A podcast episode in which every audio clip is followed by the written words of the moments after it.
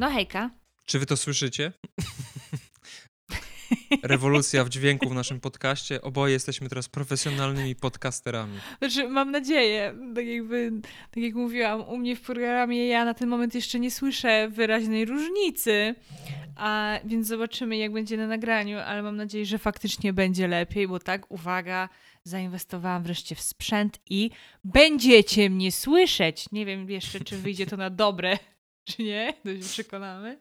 Przekonamy się niebawem. A słuchacie y, podcastu Comics Menu. Z tej strony Sergiuszek. I Natalia. I na samym początku zadam ci takie pytanie Oho, uniwersalne. Już się, boję. już się boję.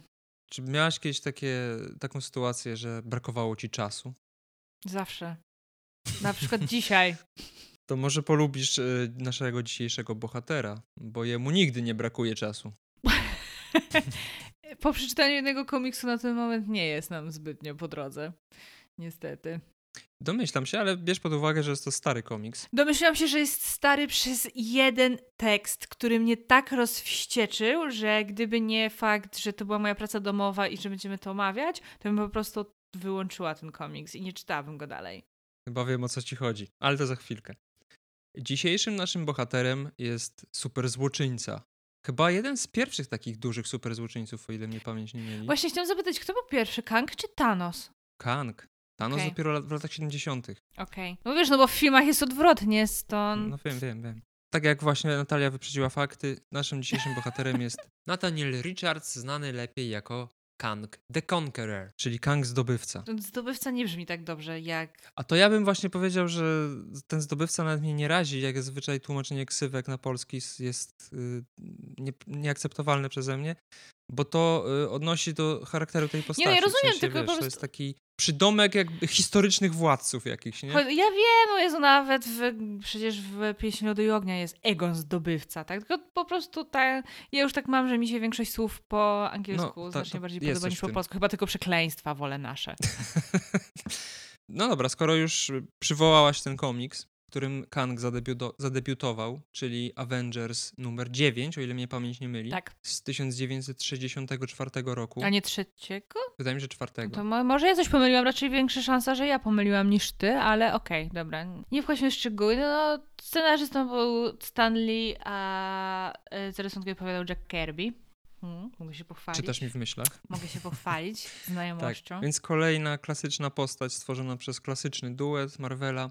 No i co? I akcja się zaczyna dość prosto z mostu walu. No tam nie ma żadnego... Tak, tam nawet nie ma, ja zauważam, że nie ma za bardzo takiego wprowadzenia, gdzie przynajmniej w większości tych komiksów, które my dotąd omawialiśmy, to chwilami mi to wręcz nudziło, że zanim doszliśmy do tak zwanego mięsa, to oni nam tłumaczyli, kogo my w ogóle widzimy na tych obrazkach, znaczy w sensie na tych kadrach, panelach, e, kto bierze udział w tej historii i tak dalej. No, przedstawiacie mi Tora, no ja wiem, jak wygląda Thor, rozpoznaję Tora. Tutaj tego zabrakło i paradoksalnie y, z Antmanem, Giantmanem. Miałam chwilę problem, nie mogłam dojść do tego, kto to jest. Więc jak widać jednak to, co mnie irytowało, to jednak się przydaje. Ale no i faktycznie od razu nas wrzucają w sam środek akcji, nie, nie patyczkują się jakoś za bardzo. Początkowo chwycił od razu ten komiks u mnie, ale chyba miałam za duże oczekiwania po tym obiecującym początku i dość mocno mnie rozczarował jednak banalnością postaci Kanga i fabuły tutaj. No dobra, ale po kolei. No po kolei. Chcesz y, na szybko streścić? No mogę na szybko streścić. No, e, Avengers zostali wezwani, co jest zabawne, oni zostali wezwani do, nie wiem czy do firmy, do, do domu Tonego Starka, mimo że nawet członkowie Avengers nie mieli zielonego pojęcia, że Tony Stark to jest Iron Man. Tak, ale kilka numerów wcześniej y, Tony Stark stwierdził, że jest tak do, dobromyślny... Tak się mówi? Wspaniało myślę. Wspaniałomyślny, że oddał swu, swoją rezydencję jako siedzibę Avengers. I nie przyszło mi do głowy, że jest to podejrzane, że nie, Nie. wiem, czemu miałby to robić. Znaczy? Iron Man w tamtym czasie działał jako ochroniarz Tonego Starka i tak to było A, tłumaczone. okej, że... dobra. Jezu. E, spodobało mi się e, wytłumaczenie, jak działała ta drużyna, że mieli demokrację, że na przykład nie było tak jak w filmach, gdzie no ewidentnie przywódcą Avengers był Cap. I nawet chyba w czasie Ultrona pada taki tekst, że Tony Stark się śmiał, że to Cap tu dowodzi, a on tylko dba o to, żeby byli cool. A tutaj jest właśnie wyjaśnione, że za każdym razem, jak oni się zbierają, to przywódcą i tym, który tam przemawia i decyduje, jest ktoś inny. Tak. I tam chyba Wasp krzyknęła, że no może wypadałoby w końcu mieć jednego stałego lidera, bo jest bałagan i właśnie nie wiem, czy to Thor czy Cap powiedział, że no ale przynajmniej mamy demokrację, tak? I, i że teraz przewodniczył Cap. No i oni się tam zebrali, no bo zostali wezwani przez Pentagon. Mhm. No i tam jak się połączyli, tam jakoś tam telekomunikacyjnie, ci ludzie z Pentagonu im pokazali nagranie, że UFO i to mnie rozbawiło, że było wyjaśnione, czym jest, był rozwinięty skrót UFO. Jakby, jakby czytelnicy byli na tyle tępi, że, nie, że trzeba było mi to wytłumaczyć, chociaż w sumie mam przyjaciółkę, którą w klasie maturalnej jak nauczyciel zapytał, żeby rozwinęła, poprosił, żeby rozwinęła skrót ZSRR, to się zastanawia na tyle długo, że w końcu stwierdził, dobra, daj spokój. Także jak widać, no jednak możliwe, że ludziom trzeba takie rzeczy tłumaczyć. No i pamiętaj, że dla wielu ludzi UFO jest jednoznaczne z kosmitą, a to wcale nie musi być No to w sumie nic związanego fakt. z kosmosem, bo wszystko, co jest niezidentyfikowany obiekt obiektem latający. Jest UFO. No, ale Tak, no i wyglądał w sumie dość mocno jak taki nasz stereotypowy statek UFO. No może nie był aż tak płaski, ale wciąż dość mocno przypominał. Jakby nawet nikt nie powiedział, że to ma być statek UFO, to od razu bym raczej pomyślała, że to UFO. No i okazuje się, że sobie wylądował Kang na ziemi. I początkowo się zapowiadał bardzo fajnie, bo był taki, ta jego pewność siebie była tak zabawna, że jak oczywiście ruszyło wojsko i tak dalej, e, i oni tam zaczęli żądać, żeby powiedział, czego on chce. No, że ja nawet nie będę z wami rozmawiał. Jesteście żałosnymi istotami. Wezwijcie mi tylko przywódców tego świata, żebym mógł im wytłumaczyć, że teraz ja tu rządzę, tak? I on ogólnie ma w całym w ogóle tym komiksie dla mnie taki straszny, ale to straszny vibe Lokiego z MCU. Ten Loki w pierwszych Avengersach. To jest dokładnie to samo. E, No i co, na Avengers tam polecieli i no ten panel, który mnie tak strasznie kurwił. Przepraszam, on nawet mnie nie wkurzył, on mnie po prostu wkurwił. Fakt faktem zaczyna się zabawnie, bo sobie Kang leży rozwalony jak żaba na liściu w takiej to zabawnej nie jest pozie. to jest niewidzialne leże jakieś Jest- takie. Nie, jest, ja wiem, tak, to jest niewidzialne, le, takie lewitujące leże, ale jest takie powiedzenie rozwalone jak żaba A, na okej, liściu. dobra, okej, to nie, nie, nie znałem takiego powiedzenia. Zresztą mówię tak o moich kotach. E, mniejsza o to. No i on tam sobie leży i zjawiają się ci Avengers i on jest kompletnie niezruszony, także słuchajcie, ja wiem, kim wy jesteście, ale tak jakby wasze mocy mi w żaden sposób nie są w stanie zagrozić. I tam chyba Thor właśnie zwrócił uwagę na to, że no jest strasznie pewny siebie, że to jest aż takie, aż taka niepokojąca pewność Mhm. siebie. I w tym momencie jedyny komentarz łasp. To jest, że musi być hot w takim razie. Pod tym całym swoim strojem, pod, Pod tą tą maską, maską. Że, musi by, że musi być hot, że na pewno jest przystojny. Ręce mi, się, ręce mi opadły. Jak Nie Boga chcę cię martwić, ale taka była łasp przez kilka pierwszych numerów Avengers. Jak będziemy kiedyś omawiać jej debiut, to zobaczysz dopiero. No fakt faktem tutaj trochę uratowała sytuację, ale też z drugiej strony, że ona była pomysłodawczynią, ona ogarnęła, ale już brudną robotę to faktycznie odstawili, odstawili mężczyźni, tak. Tak. Ona coś tam się krzątała. Jest to strasznie denerwujące. Ja biorę poprawkę na to, że to są lata 60., no ale no nie będę udawała, że no nie było to szkodliwe i było po prostu No okropne. No, Komiks pisany przez dwóch starych dziadów, nie? Jakby nie patrzeć. no, no wtedy chyba jeszcze nie, aż- nie aż tak starych. No Stanley miał ponad 40 lat, Jack Kirby był No chyba to nie są starzy ludzie. w tamtych czasach, w latach 60 40 lat, to już dziadkiem można było Nie, ale być. przez chwilę pomyślałam, że ty po prostu, że e, Stanley funkcjonuje w twojej głowie tak jak Morgan Freeman w mojej, że on po prostu całe życie był stary. E, No i on, ogólnie w tak bardzo dużym skrócie, no to oni go atakują. Okazuje się, że w zasadzie ich moce są kompletnie na nic. I zjawia się, czy ja dobrze zrozumiałam, że to był sekretarz obrony narodowej? Bo to nie był tak. minister. To na pewno nie był żaden minister, bo on to nie był chyba jakoś tak wysoko postawiony. Mniejsza o to, no ale on się tam. Pojawia się, e, no i ogólnie e, no jest spory problem. On w ogóle tam porywa tych Avengersów na ten swój statek i oni są tak jakby tym polem elektromagnetycznym, czy co to tam jest, są tak uwięzieni, że no na przykład Thor jest tą swoją ludzką formą. On nie jest w stanie Mhm. się i nie jest w stanie się ruszyć, więc nie jest w stanie trzepnąć tą swoją laseczką, żeby się Tak. zmienić z powrotem w Tora. No i każdy jest z nich kompletnie bezsilny. No, nie udało mu się tylko wciągnąć e, Wasp i tego, jak on się tam Ricka nazywał? Jonesa. Ricka Jonesa. Czy to jest ten Rick Jones? To jest ten Rick To jest Jones. ten Rick Jones od Hulka, tak. Tak, tak. Ten pomagier taki i tak dalej, więc Mhm. go tak polubię. Tak właśnie nie byłam do końca pewna, ale tak wywnioskowałam od razu, że to chyba on. No i on w ogóle, ten Rick Jones tam skrzyknął jakąś ekipę nastolatków, nie wiem, oni się wcześniej pojawiali, bo ich nie kojarzę. Tak, że... Teen Brigade oni się nazywali. To była grupa nastolatków, dzięki której w sumie Avengers powstał. Powstali. Bo oni A, y, ich O, wezwali ciekawe. do walki z Lokim, ale to też w niedalekiej przyszłości. Poznamy Okej. więcej szczegółów. no ja ich tu spotkałam pierwszy raz, no ale taka... To akurat zostało całkiem nieźle oddane, że to faktycznie była po prostu grupa gówniarzy, którzy nie do końca przemyśleli to, co zamierzają zrobić i liczyli trochę na łód szczęścia, że wojsko nie będzie strzelać do nastolatków. Bardzo naiwne podejście e, tutaj e, stanęli, bo oczywiście, żeby strzelali, to jest wojsko, wojsko strzela do wszystkich. No ale no tutaj, w, no w Marvelu mamy sympatyczniejsze wojsko niż w rzeczywistości. Nie strzelali do dzieci, dzieci poszły do Kanga, Kang totalnie dał się w ogóle nabrać, to. Że tak, oni będą mu teraz, bo oni mu mówili, że no ziemia i tak jest przegrana, a my chcemy trzymać z wygranymi, więc trzymamy z tobą. No Dobra, to będziecie moimi sługusami i wpuścił ich na ten statek. Naprawdę inteligentny. Ale no pominąłem najważniejszy moment, w którym Kang, oczywiście jak każdy stereotypowy złoczyńca w każdym e, basicowym filmie superbohaterskim lub jakiejkolwiek, tłumaczy o co mu chodzi, czego chce i tak dalej. No i on opowiada, że on pochodzi z 3000 roku i on się cofnął w czasie, a opanował umiejętność e, podróży w czasie, cofnął się w czasie do nie pamiętam ile tam jeszcze przed naszą erą i że ja sobie nawet to zrobiłam sobie screena tego. W każdym razie E, do czasu faraonów. Tak, że on się nazywał Faraon Ramatut. Tak. Specjalnie sobie zrobiłam screena, żeby to powtórzyć. Tak, no nawet nie, on, tu nie padło, ile lat wstecz on się cofnął jeszcze od tej, od tej teraźniejszości. Tak jak powiedział, że dawno, dawno temu i byłem sobie faraonem.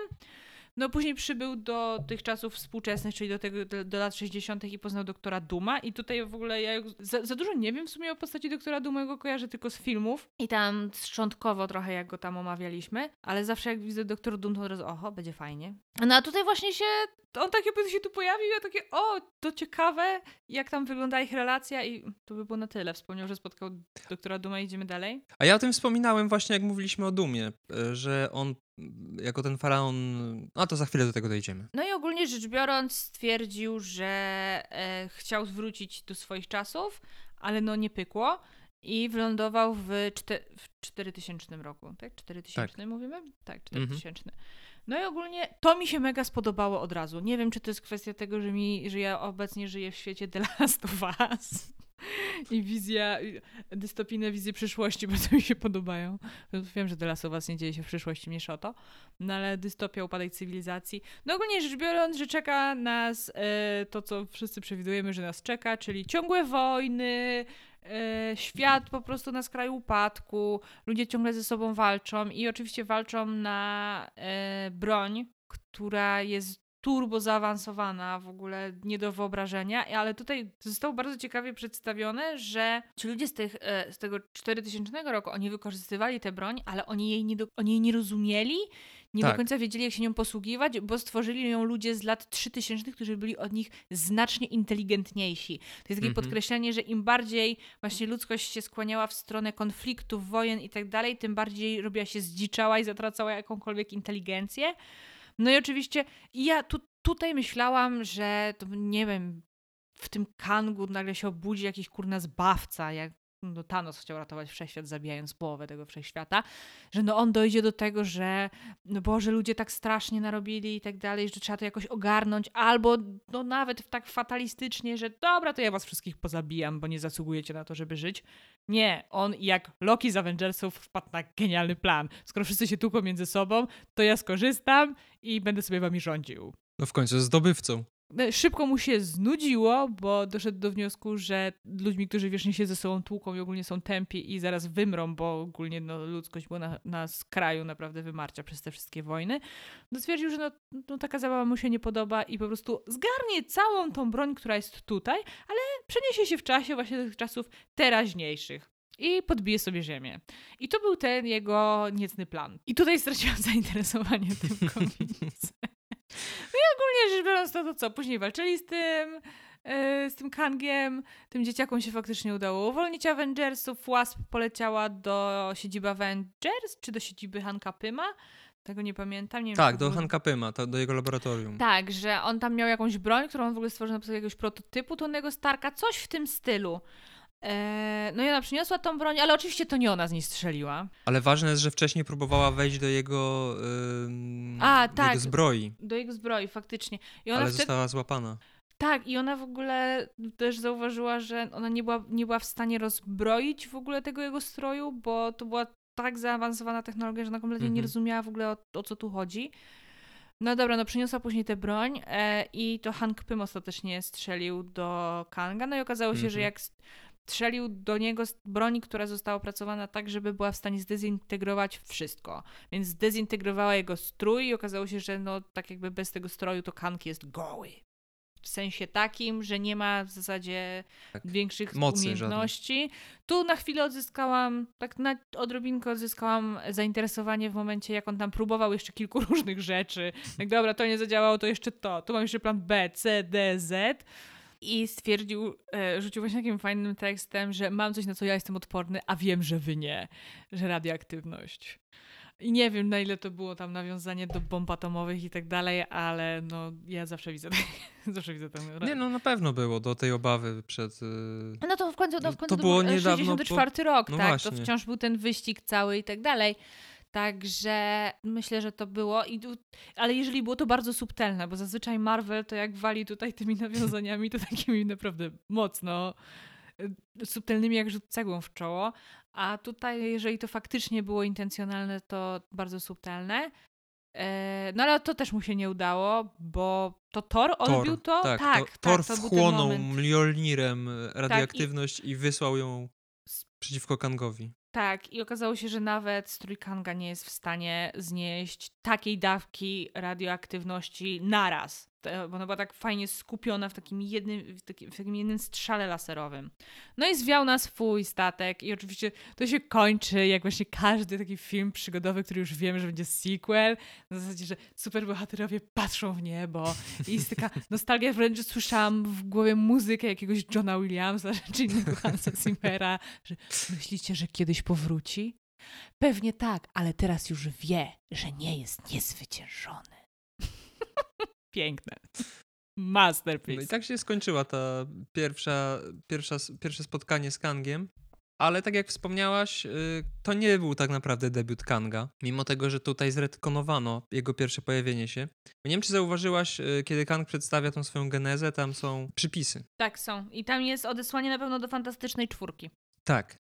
I Kang tak naprawdę zadebiutował kilka miesięcy wcześniej, w 63 roku, w 19, o ile dobrze pamiętam, numerze Fantastic Four, więc Kang w tym roku obchodzi swoje 60. urodzinki. Wszystkiego najlepszego. A w sumie niedługo się widzimy. No. E, I właśnie ta historia, o której wspomniałaś, z faraonem Ramatat, taka forma e, zangielszczona się przyjęła w ogólnym takim dyskursie, została po raz pierwszy pokazana. I jeszcze tak tytułem wstępu, którego nie było, bo dziś w ogóle taki odcinek dość chaotyczny, trochę się boję, że będzie, ponieważ ja się boję, że coś po, pomieszam, bo to będzie, od razu uprzedzam, że to będzie bardzo skomplikowane, jak się toczyły historie, jak się toczyła historia Kanga, chociaż historie w sumie lepiej do niego pasują. E, W którym momencie to jest prawdziwy Kang, a w którym momencie to jest wersja z, in, z innej alternatywnej rzeczywistości. Och, Ja czasami się gubię i ogólnie to jest para, paradoks trochę, bo moim ulubionym filmem jest y, Powrót do przyszłości, ale ja nienawidzę, kiedy w filmach się pojawiają podróże w czasie i jak Avengersi. Ja dlatego, dlatego nigdy nie obejrzałam Powrotu do przyszłości. Akurat w Powrocie do przyszłości to jest y, fajnie całkiem zrobione, chociaż oczywiście też są głupoty takie, że przeczące poprzednim wydarzeniom. Tutaj będzie wszystko. Wszystkie koncepcje podróży w czasie będą wrzucone czasami naraz, czasami będą się jednocześnie, będą względem siebie sprzeczne. Jest tutaj po prostu strasznie, strasznie wszystko pomieszane, dlatego też y, wstęp jest po prologu, ale faktycznie y, Kang zadebiutował jako Ramatat. Wtedy jeszcze Stanley prawdopodobnie i Jack Kirby nie mieli w planie, że to będzie Kang, tylko z czasem odkryli, y, odkryli że można by go połączyć w jedną postać. Ale nie był to pierwszy y, złoczyńca, który pochodził z przyszłości, potencjalnej przynajmniej, bo kilka miesięcy wcześniej zadebiutował inny przeciwnik, o ile dobrze pamiętam, walczył z Torem, to był Zarko the Tomorrow Man, który pochodził z jakiejś tam, nie wiem, którego roku. Ale to też jest fajne przy okazji Znaczy, takich postaci. Tomorrowland nie brzmi nawet tak źle, ale jakoś nie wiem. Fajne w przypadku takich postaci, które podróżują w czasie i są tworzone w kilka dekad wcześniej jest to, że No dobra, 3000 rok i 4000 rok faktycznie to są nawet dla nas dalekie rzeczy. Ale w latach 80. rok 2020 wydawał się bardzo odległy, dlatego stworzono Ironmana z 2020 roku. I to była też jakaś taka przyszłość, która w ogóle nie ma nic wspólnego z tym, co jest teraz, bo wyobrażano sobie, że nie wiadomo, co tutaj się będzie działo. Więc to jest całkiem e, zabawne, jeżeli chodzi. Tak, latające buty. To, o, to w powrocie do przyszłości były te Nike, nie? To były samowiążące się buty i latająca deskorolka. Jest. No, ale w tym numerze Fantastic Four stwierdzili, że skoro mają dostęp do wehikułu czasu doktora Duma, to cofną się w przeszłość, ponieważ odkryli, znaczy Reed Richards, będąc w muzeum, odkrył e, hieroglify, na których był dowód na to, że faraon w dawnych czasach miał lek na odzyskanie wzroku. A wtedy Fink był w związku z e, Alicją, która była niewidoma, bo jak wiadomo, jak ktoś jest brzydki, to musi mieć niewidomą partnerkę albo partnera. A w filmach też tak było, nie? O ile dobrze pamiętam. No, tak, tak, no bo to jest ta sama postać. Ale tak, Boże, lata 60. E, no i stwierdzili, że cofną się w przeszłość po to, żeby ten lek zdobyć. Na miejscu zostali przechwyceni przez ludzi faraona i okazało się, że faraon mówi po angielsku i w ogóle ich kojarzy. No i to właśnie był Ramatat, który, który wyjawił im, że jest podróżnikiem w czasie, pochodzącym z tych, z tych lat 3000, czasów, kiedy ludzkość osiągnęła już wszystko. Y, nauka jest w ogóle tak rozwinięta, że każdy jest super inteligentny. Przepraszam, ale właśnie ale takie, przy okazji... jest faktycznie rzucony ten tak, że ludzkość osiągnęła już wszystko. Jest w ogóle możliwe takie stwierdzenie, kiedy wiemy, że doszliśmy już do granicy i dalej się nie rozwiniemy? No nie wydaje mi się. Znaczy, przypominam, że w XIX wieku nawet naukowcy uważali y, po płynięciu całej praktycznie Ziemi, co tak nie było do końca prawdą, uważali, że już nauka niewiele wymyśli. oh my sweet summer children. W każdym razie były to czasy, kiedy nie było właśnie wojen, ludzie sobie żyli spokojnie, w dostatku i dobrobycie. No i był ten Kang, który nie był człowiekiem swojej, swojej ery i stwierdził, że jest to nudne, bo jedyne y, fajne rzeczy, które może robić, to oglądanie nagrań z czasów sprzed kilku tysięcy lat to akurat na kadrze jest jakiś western. Ja właśnie, ja pamiętam jak ktoś w internecie rozkminiał to, że przecież w MCU, przede wszystkim to było w Zimowym Żołnierzu, był taki trochę running joke między Steve'em a Samem, że Steve próbował, i jeszcze Natasza ich tam do tego łączała, że Steve próbował nadrobić popkulturowo wszystko, że miał ten swój note, notesik, który mhm. zresztą później przekazał Bakiemu, tak? Że tam Nirvana, Star Treka, Star Warsy musi nadrobić i tak dalej, i tak dalej. Wszystkie jakieś tam filmowo-muzyczne rzeczy. No i jak się dowiadujemy, dowiadujemy na przykład w Falconie i Zimowym Żołnierzu, no to niektóre z tych rzeczy faktycznie siadły mocno Steve'owi, także tu jakąś muzykę zaczął tam lubić, jakiś film. No i teraz wyobraź sobie, że na przykład Steve został takim fanem, fanem czegoś, no załóżmy nawet Star Warsów, tak? Nie dobra, Star Warsy to jeszcze one są faktycznie stare. No dajmy na to, obejrzał sobie, co jest w miarę nowe. Harry Potter. Harry'ego Pottera okej, okay, to jest super, tak?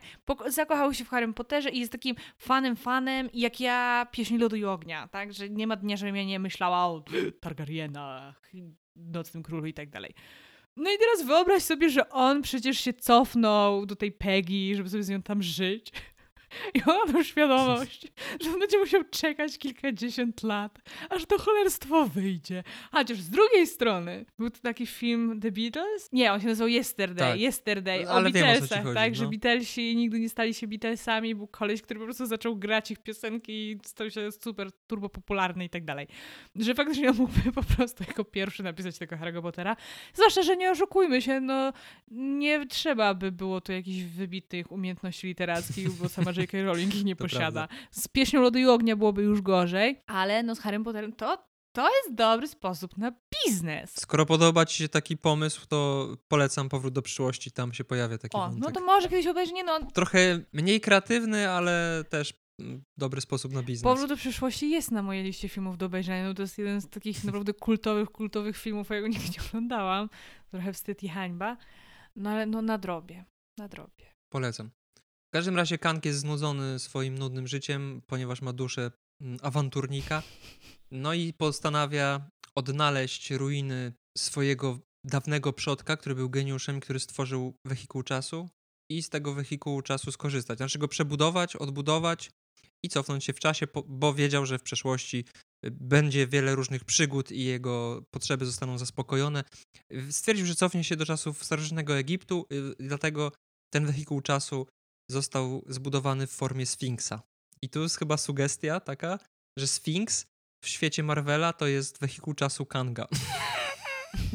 w każdym razie, jako ten podróżnik w czasie w Sfinksie przeniósł się do tego starożytnego Egiptu, wylądował tym Sfinksem e, na pustyni, ale niestety w trakcie lądowania coś tam się stało, że no nie wiem, czy, się, czy nie umiał wylądować, już nie pamiętam, ale był jakiś wypadek, e, wehikuł czasu uległ zniszczeniu, a Kang stracił wzrok.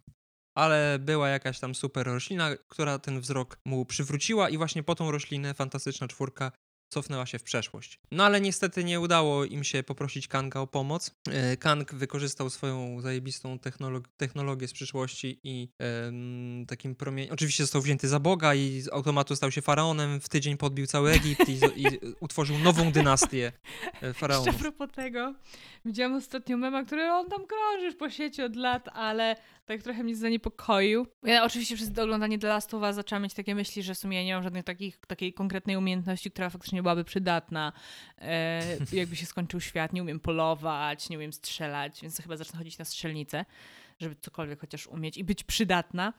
Ale właśnie a takiej przydatności, to właśnie taki mem, że jakbym się, cofna, że jakbym się cofnęła w czasie, i mogłabym tam gadać, że o tak, mamy smartfony, mamy samoloty, telewizory i tak dalej, kina 3D. No i ktoś mnie zapytał, a jak wy robicie te smartfony? A jak to działa? A ja w tym momencie takie, no kurde, no nie wiem, no jakoś tam działa. że to się niby tak mówi, że o, można było, jakby się cofnęło w czasie, to bylibyśmy super sławni, bylibyśmy super geniuszami, pewnie byśmy zarabiali miliony, bo byśmy wynaleźli to, co my już wiemy, że istnieje, tak, a wtedy jeszcze nie istniało. Tylko no, problem taki, że no, tak naprawdę przeciętny Kowalski nie ma zielonego pojęcia, jak to działa. To a prawda. ja jestem tutaj to tym jest, przeciętnym Kowalskim. Kiedyś ludzie mieli naprawiać sami sam, samochody swoje, teraz nie mogą no, tego właśnie, zrobić. to, to, paradoksalnie to już jest ten problem tego postępu technologicznego, że my jesteśmy coraz bardziej przyzwyczajeni do tego, że ktoś robi to za nas. Dlatego też banie się przyszłości i technologii, czy tam techniki yy, i yy, że się straci pracę jest głupie, bo każda nowa technologia buduje nowe ścieżki zawodowe. No ale, no, ale mogą nas wyprzeć razie... roboty.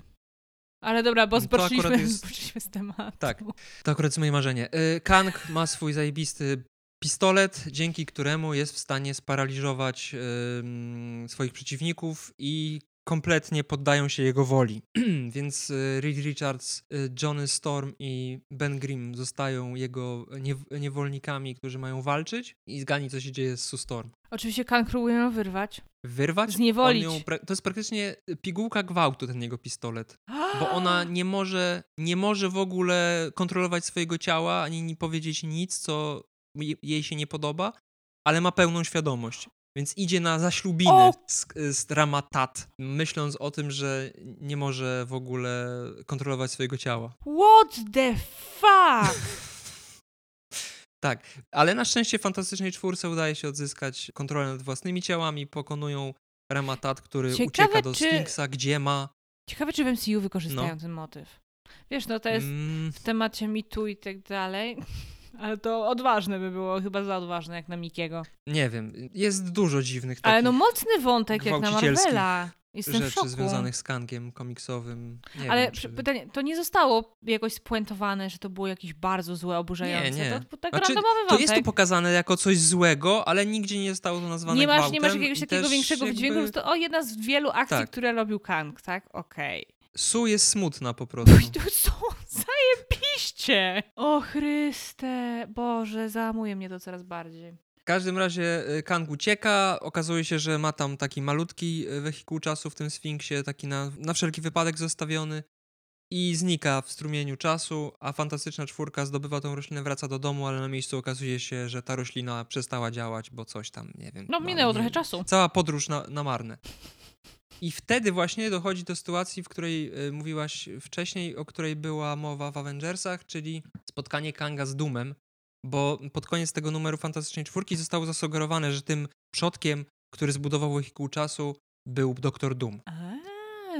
I nawet jest z tyłu tak, y, taki zamek, który przypomina bardzo zamek doktora Duma. Ale później, kiedy Kang powrócił, chyba też w fantastycznej czwórce, okazało się, że uciekając, znaczy nie Kang, Ramatat, uciekając y, ze starożytnego Egiptu, wpadł w burzę czasu przez co znowu znalazł się w XX wieku i spotkał właśnie, uratował go doktor Doom, który był w kosmosie w tym czasie. Porozmawiali sobie i Kangowi przez myśl przeszło właśnie, czy to przypadkiem nie jestem, nie jest mój przodek, albo czy to na przykład nie jestem ja z innej wersji czasowej. Więc pojawił się ten wątek i pojawił się wątek właśnie ten, który tutaj się, y, który tutaj padł po raz pierwszy, czyli różne wersje Kanga. Znaczy naprawdę nie po raz pierwszy, bo Ramatat był jedną z wersji Kanga. Od razu tego przejdę, żeby później nie było zbyt skomplikowanie. Avengers po jakimś czasie spotkali dwóch dwóch kolejnych przeciwników. Pierwszym był Scarlet Centurion, który próbował zmienić bieg historii z udziałem Avengers, a drugim był Immortus, który ponownie zebrał Masters of Evil, czyli grupę superzłoczyńców, po to, żeby wykorzystać ich do walki z Avengers. Jak się później okazało, i Scarlet Centurion, i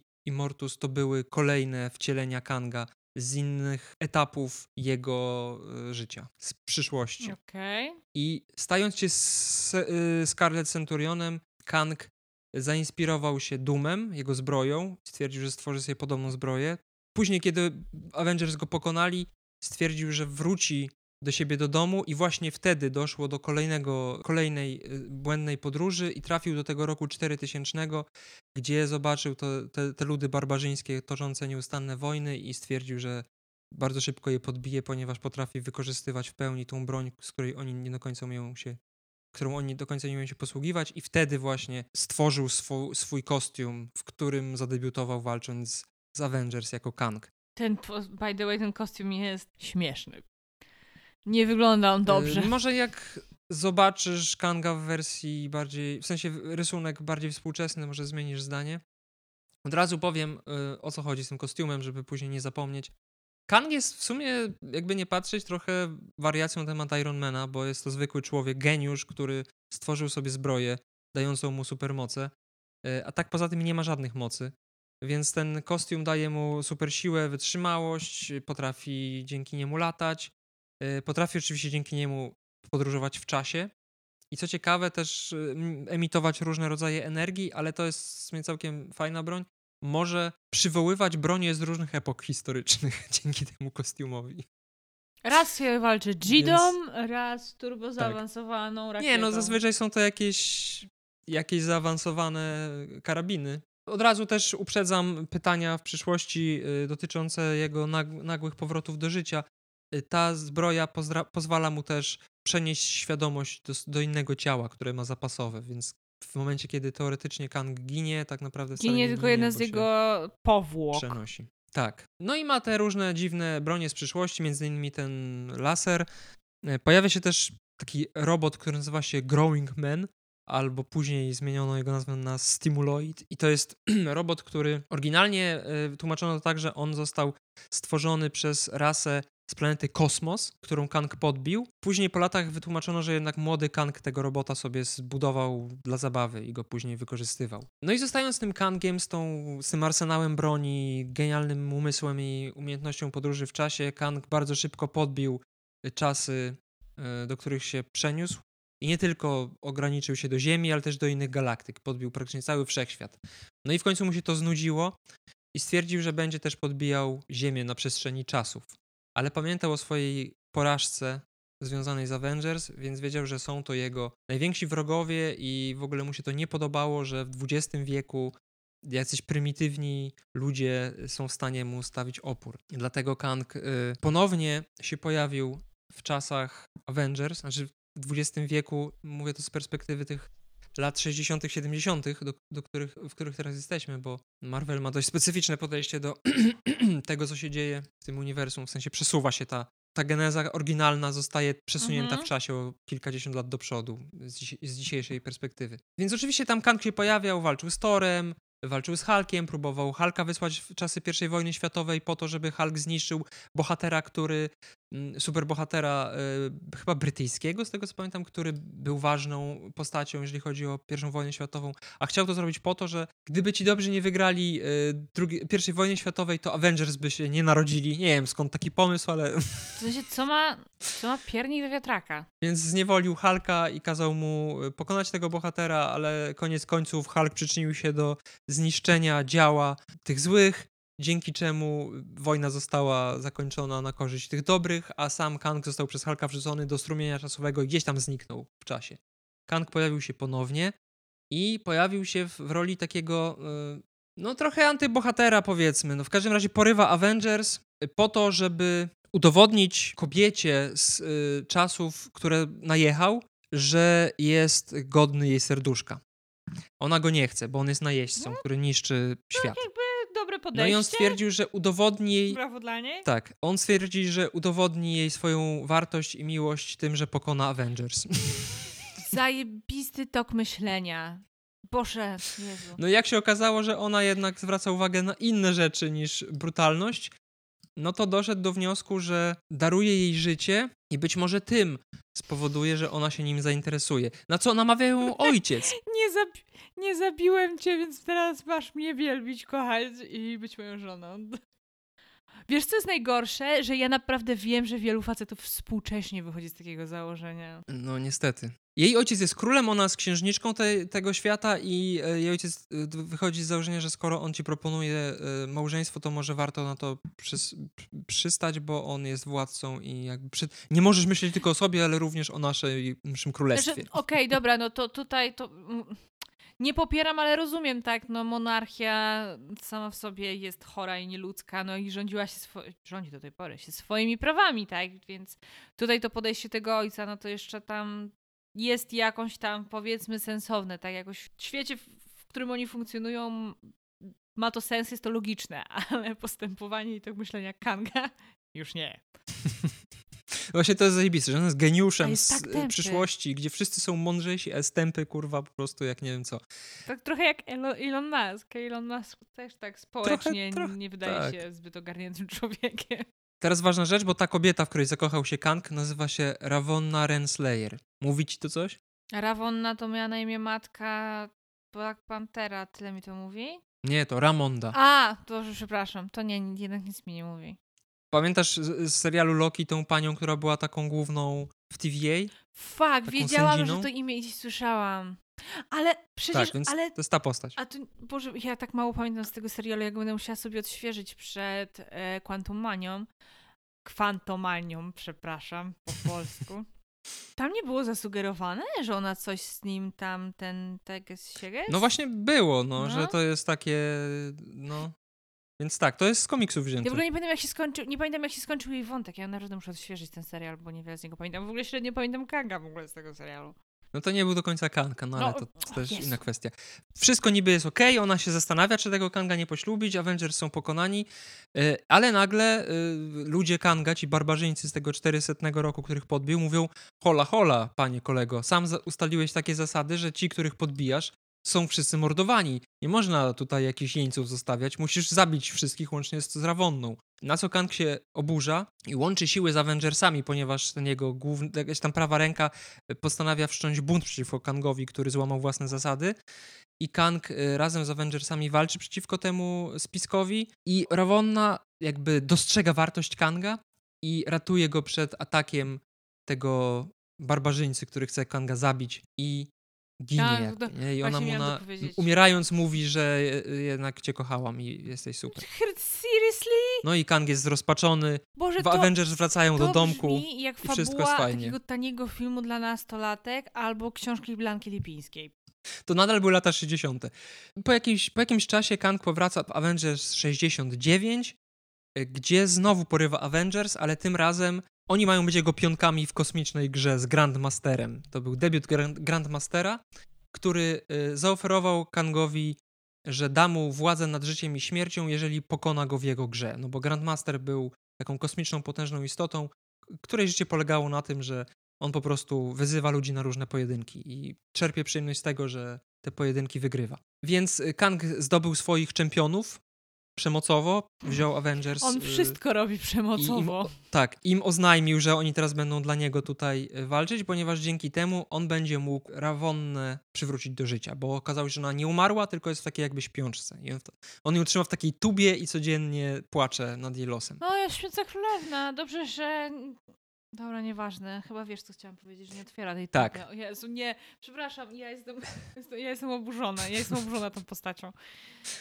Uff. No i Avengers, Avengers zaszantażowani, że, że Kang zniszczy Ziemię, biorą udział w tej całej potyczce. Tam się oczywiście pojawiają podróże w czasie. Są takie trzy tury, jakby, trzy rundy jakby tej całej gry. Y, Ciekawe jest to, że Grandmaster jako przeciwników Avengers powołuje do życia taką drużynę, która nazywa się y, Squadron Sinister. To była parodia Ligi Sprawiedliwości z którą Avengers walczyli. I co ciekawe, później postanowiono wykorzystać te postacie i okazało się, że Grandmaster stworzył je na bazie superbohaterów z innego wymiaru yy, i ta grupa w tym wymiarze nazywała się Squadron Supreme. I tam głównym przeciwnikiem tej grupy był Scarlet Centurion, który po porażce z Avengers uciekł do innej rzeczywistości i tam sobie walczył z, tym, z, z tą super, grupą su, yy, superbohaterów ale Squadron Supreme, co mi to mówi? plotki, że mają się pojawić w Lokim 2. A, okej. I członkiem Squadron Supreme jest Hyperion, który jest parodią e, Supermana i były też marzenia fanów, że Henry Cavill, skoro już nie jest Supermanem, może zagra w Marvelu. Słuchaj, ja już mam tego Podróbkę tak serdecznie Supermana. dosyć, bo Henry'ego Cavilla teraz wciskają wszędzie kod fancasting. Po prostu na grupa Rodosmoka i Grotron to jest po prostu... W ogóle no, niech wszystkich gra, nawet kobiety, bo why not? Ja bym akurat szanował za, za taki... Czy nie, po prostu chodzi mi o to, że on, niech do ludzi, do których Henry Cavill nie pasuje na Targaryena, to, że w Wiedźminie miał, o Boże, aż uderzyłam się ręką w biurko, tak się zdenerwowałam. To, że w Wiedźminie miał jasne włosy jako Geralt, nie znaczy, że mógłby być Targaryenem, bo on pasuje do Targaryena jak wół do karety. Już jak coś, to młody Robert Baratheon, nie żaden Egon zdobywca, już tym bardziej nie Rhaegar Targaryen.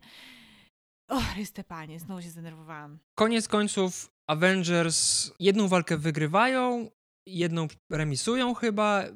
Jest dwa do, dwa do remisu jakby, nie? Dwa Więc Grandmaster- dwóch. Jest, re- jest albo remis, albo dwa do dwóch, a nie dwa do remis. Nie jest tak, że jest pełne zwycięstwo Kanga.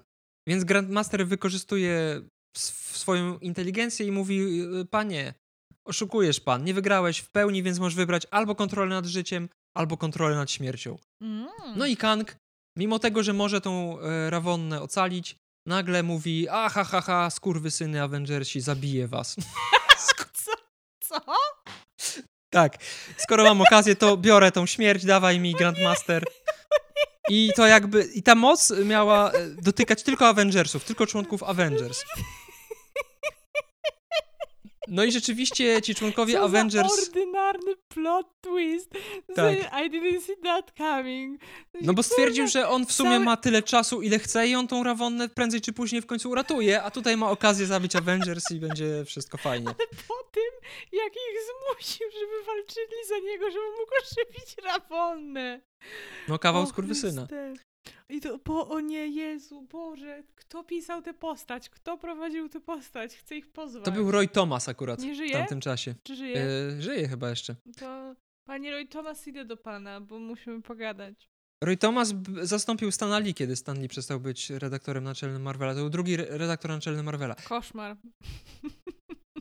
Zaczął wysysać życie tym Avengersom, ale przez to, że był taki kolejny kruczek prawny, polegający na tym, że zabierasz życie tylko Avengersom, to Black Knight nie był podatny na tą moc, Black Knight, Więc- pan Janek Śnieg, pan e, Tak. z, Eternals, okej. więc za pomocą swojego miecza przypierdolił Kangowi w, w, w Sagan i pokonał go tym samym, zostając członkiem Avengers. O Boże, Boże, co za Wspominałem o tym w odcinku co za o ordynarna historia, o Matko Święta.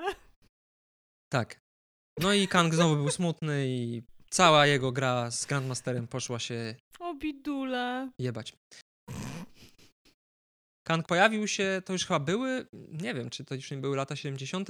W każdym razie jakoś blisko lat 70., początek lat 70. chyba. Tak zwana saga Celestial Madonna, o której I właśnie tak, jakiś czas temu. zauważyłam to, jak weszłam w te screeny i bardzo mi się podoba ten tytuł. Tak. E, Więc Kang pojawił się e, w momencie, kiedy nad Avengers Mansion, czyli tym domem Tonego Starka, rozbłysła gwiazda dziwna. wytłumaczył Avengersom, że przybył na Ziemię po to, żeby. Oczywiście bardzo szybko ich pokonał, zniewolił, ale jego głównym celem były trzy kobiety, które wówczas były z Avengers związane: Scarlet Witch, Agatha Harkness i Mantis.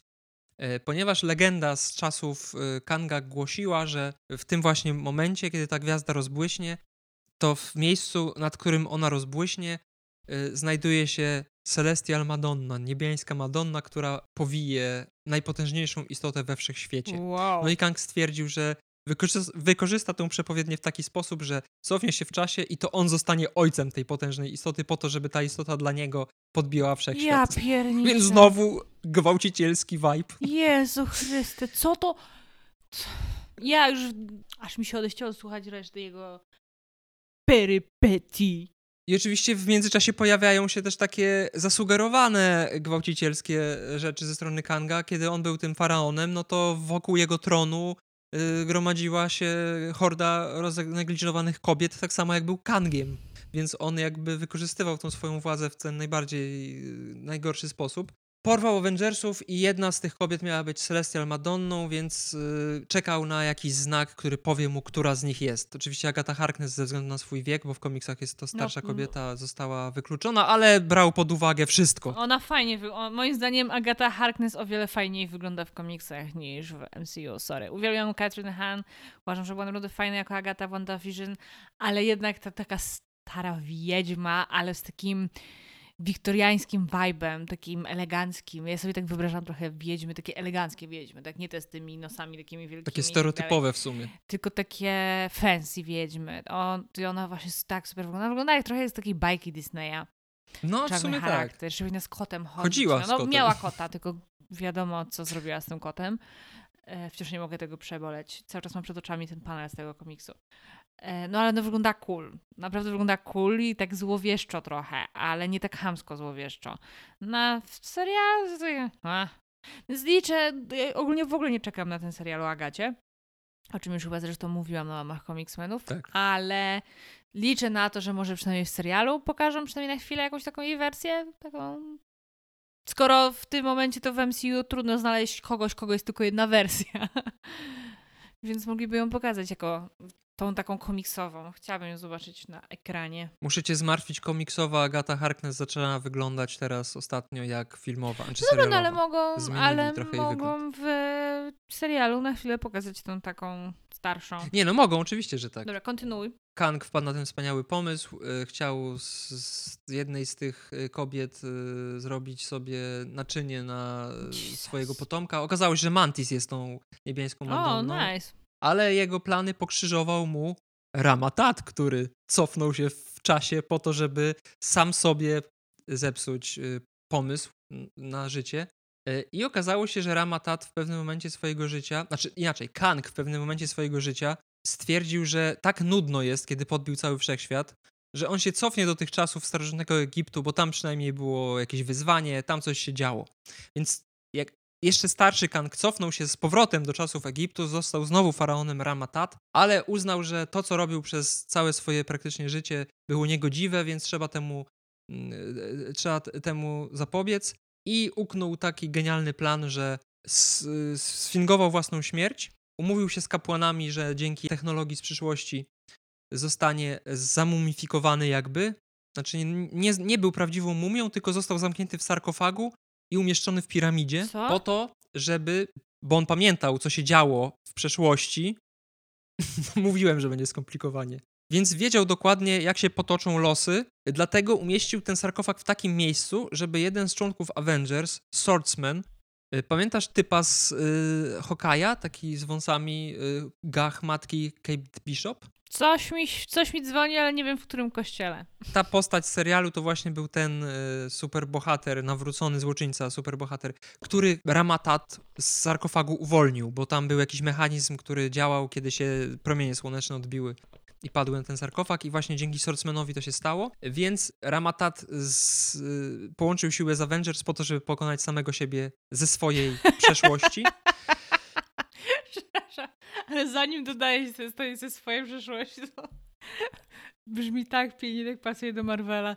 No i pasowało też do, bardzo do Lokiego. Loki, który się zakochał sam w sobie, Loki, który będzie walczył z inną wersją siebie. Fantastiko. podczas całej potyczki e, o tą niebiańską Madonnę, Swordsman, który zakochał się w Mantis, zginął ratując ją, ale na scenie pojawił się Immortus, który działał również z Avengersami, tylko oni jeszcze o tym nie wiedzieli. Ponieważ on O Jezu! jakby zabrał Kanga i y, Ramatac, którzy między sobą walczyli do swojego królestwa y, mieszczącego się w Limbo, miejscu poza czasem i przestrzenią. Y, on sam był mistrzem czasu, władcą czasu i powiedział Kangowi, że będą razem, że połączą siły, będą razem o tą Celestial Madonnę walczyć, a Ramatat trafił do takiej tuby. No i Immortus przywołał y, Legion of the Unliving, czyli przeciwników, martwych przeciwników Avengers. E, w-? Między innymi był tam Frankenstein i Baron Zimo oryginalny. Ale w sensie takich martwych, że o, oni wcześniej umarli, ale teraz ożyli, czy że oni Tak, teraz byli martwi? Oni wcześniej umarli i on ich ożywił. A, ja myślałam, że to była zbieranina zombiaków. Nie, nie, niestety nie. Przez chwilę powiało czymś zajebistym. O, jest 21.37. Hehe. Ale okazało się, że tak naprawdę Immortus y, cały czas był po stronie Avengers i chciał oszukać Kanga, ponieważ y, Immortus też jest Kangiem z przyszłości, ale jeszcze dalszej przyszłości. O Chrystusie, Panie Niebieski. I mimo tego, że Kangowi udało się porwać Mantis, to tak naprawdę wcale nie porwał Mantis, bo Mantis została ukryta przez Kanga w jakiejś skrzyni, a Kang porwał Space Phantoma, taką istotę z limbo, która potrafi zmieniać kształty. I w momencie, kiedy on odleciał już z tą Mantis, telenowela. po to, żeby Kosmiczna telenowela. spłodzić to dziecko kosmiczne, okazało się, że tak naprawdę Mantis jest Space Phantomem. No i on tam czasami się jeszcze pojawiał. Yy, okazało się, że między innymi, że jest yy, w, na Dzikim Zachodzie. Thor i Mundragon udali się na Dziki Zachód w poszukiwaniu zaginionego Hokaja. Tam znaleźli Kanga, który wybudował sobie cytadelę. Udało im się do tej cytadeli przeniknąć i oczywiście Kanga pokonać. E, ale Kang wtedy wytworzył taką potężną broń, dzięki której mógł intensyfikować działanie tej broni. Znowu pojawił się Immortus, dzięki czemu e, pokonano Kanga niby raz na zawsze. W finałowej walce z e, Torem Torowi udało się doprowadzić do tego, że Kang, że broń Kanga osiągnęła masę krytyczną, przez co Kang zaczął się dezintegrować i jest taki, y, taki słynny panel, na którym Kang wykrzykuje No more Kangs. I wtedy Immortus właśnie wyjawił Avengersom, że to był jego plan, że on był Kangiem i on teraz może w spokoju zniknąć, już nie musi pilnować czasu przed, e, przed Kangiem. I to była jedna z pierwszych śmierci Kanga, ale jak się nie trudno domyślić, oczywiście powrócił. Więc Kang znowu na jakiś czas zniknął, aż do lat 80. W latach 80., znaczy to, chyba te, to, ta przygoda też była w latach 80., tylko na samym początku. W końcu postanowiono trochę przeanalizować to, co Kang robi i to, że igranie z czasem nie jest wcale takie proste, jakby się mogło wydawać. Stwierdzono, że warto wprowadzić to, co było wprowadzone w Lokim, czyli każda ingerencja w linię czasową Kanga powoduje, że czas się rozszczepia i powstaje inna linia czasowa. Więc okazało się, że tych Kangów jest bardzo wielu, ponieważ Kang w przyszłości podbił wiele różnych światów. I podbijając każdy świat, rozszczepił y, tą linię czasową na wiele różnych linii czasowych, więc powstała taka Rada Kangów, której zadaniem było eliminowanie tych Kangów, którzy są najgorsi. I na czele tej Rady Kangów stał Kang Prime, który odróżniał się tym, że nosił fioletową pelerynę. Kang miał swój plan, jeden z Kangów i, i Mortus znowu go w każdym razie zdradzili. I tutaj po raz pierwszy pojawia się w ogóle hasło Kang Dynasty, e, bo on stwierdził, że zastąpi wszystkich, że on pozabija tych Kangów, bo czasami były, były takie wersje Kanga, które były tak głupie, że pojawiały się w jakimś świecie i zostały pokonywane od razu ginęły. Więc on jakby brał pod uwagę, że istnieją takie wersje Kangów, y, które same się zabijają, a ci mocniejsi, zasługujący na śmierć, są eliminowani przez Radę Kangów, do której należą ci już najbardziej potężni Kangowie. No i stwierdził, że on tych wszystkich Kangów wytnie po to, żeby zastąpić ich robotami, które będą, będą miały jego wizerunek. I że to jest ta dynastia Kanga, że on będzie władał we wszechświecie, we, w różnych liniach czasowych, dzięki temu, że będzie miał podwładne sobie roboty. A która część, który tam film czy serial będzie miał tytuł, to będzie, będą kolejni Avengers, nie? The Kang Dynasty. Tak, I dopiero później jest Secret Wars. Tak. Może ja już się gubię, ja naprawdę się gubię w tym wszystkim. Mój mózg przestał już to ogarniać. No i mimo tego, że Kang miał ten genialny plan, żeby zastąpić swoje wariac- warianty z innych linii czasowych robotami i stworzyć tą dynastię Kanga, wyeliminował członków yy, Rady Kangów, niby dlatego, żeby wyeliminować zagrożenie dla samego siebie, to tak naprawdę okazało się, że za wszystkim stał Immortus. Kang działał na jego korzyść. Planem Immortusa było pozbycie się Kangów. I w momencie, kiedy został tylko jeden Kang, Immortus wkroczył do akcji e, z zamiarem zabicia Kanga. Miał taką magiczną kulę, e, wewnątrz której znalazły się świadomości Kanga i Kang postanowił tą kulę przejąć, przez co oszalał i wybiegł z, z, tej cytadeli Immortusa w jakieś tam kurwa odmęty czasu i zniknął. I okazało się w ogóle, że w całym tym planie jeszcze bierze udział Ravonna, która tak naprawdę y, pokochała Immortusa w przyszłości dalekiej, bo Immortus dzięki podróżom w czasie był w stanie ją uratować i oni teraz są parą, więc y, Kang został podwójnie zdradzony, bo nie że przez samego siebie, to jeszcze przez swoją ukochaną. Bo jego ukochana zostawiła go dla niego. Boże, jak to pięknie brzmi. Tak. I w tym komiksie jeszcze e, dodatkowo uzupełniono trochę e, genezę Kanga, bo okazało się, że tak naprawdę człowiekiem, który dał podwaliny pod tą cywilizację, która tak bardzo Kanga męczyła i nudziła, był tajemniczy przybysz skądś, w domyśle z innego czasu, który zaprezentował technologię pozwalającą na rozwinięcie się tej cywilizacji. I oczywiście to nie zostało powiedziane wprost, ale jest tutaj sugestia, że był to sam Kang, więc tutaj Kang wpada w taką pętlę czasową. No i Kang niby zniknął, ale później po raz kolejny, pod koniec lat 80. pojawiła się kolejna rada Kangów. E, tym razem oni się chyba nazywali Cross Time Kangs. I to była rada Kangów, która wyglądała trochę inaczej niż ta pierwotna, ponieważ tutaj ci Kangowie się trochę od siebie różnili wizualnie. I była też kobieta Kang, zwana Nebulą. I to niby początkowo miała być ta Nebula, którą znamy. Wnuczka Thanosa w komiksach, w filmach córka, ale później okazało się, że to nie jest wcale żadna Nebula, tak naprawdę. I to był czas, kiedy Avengers y, byli w dość marnej kondycji i co chwilę jacyś członkowie odpadali, coś tam się działo i, i ten skład był bardzo zmienny. I w tym składzie pojawił się Doktor Druid, który był taką tanią wersją Doktora Strange'a. Taki czarodziej, który nie był aż tak potężny jak Doktor Strange. No i doktor Druid miał takie wizje, w których objawia mu się piękna kobieta, która go kusi. To jest kobieta z przyszłości i ona mówi, że on musi zostać szefem Avengers i musi poprowadzić tych Avengers tak, jak ona temu doktorowi Druidowi każe. No i okazało się, że to jest właśnie ta Nebula, która tak naprawdę Nebulą nie jest, jest jakąś tajemniczą kobietą, która przeniknęła do tej Rady Kangów po to, żeby pokonać tych Kangów i przy okazji dowiedziała się, że istnieje takie zjawisko w, we wszechświecie, e, taka bańka czasowa, w której ukryta jest potężna broń, dzięki której będzie można władać całym y, wszechświatem. No i ona stwierdziła, że wykorzysta doktora Druida po to, żeby on y, zmanipulował Avengers swoimi mocami i żeby wspólnymi siłami tą broń od, odbić i dzięki temu Kang Nebula będzie miała tą wielką broń. No i ci Kangowie y, z tej Rady Kangów stwierdzili, że trzeba ją powstrzymać, więc trójka najważniejszych wybrała się na misję, która miała uniemożliwić to, co planowała Kang Nebula, y, co oczywiście się udało, ona została powstrzymana. Avengers tak jakby się rozpadli.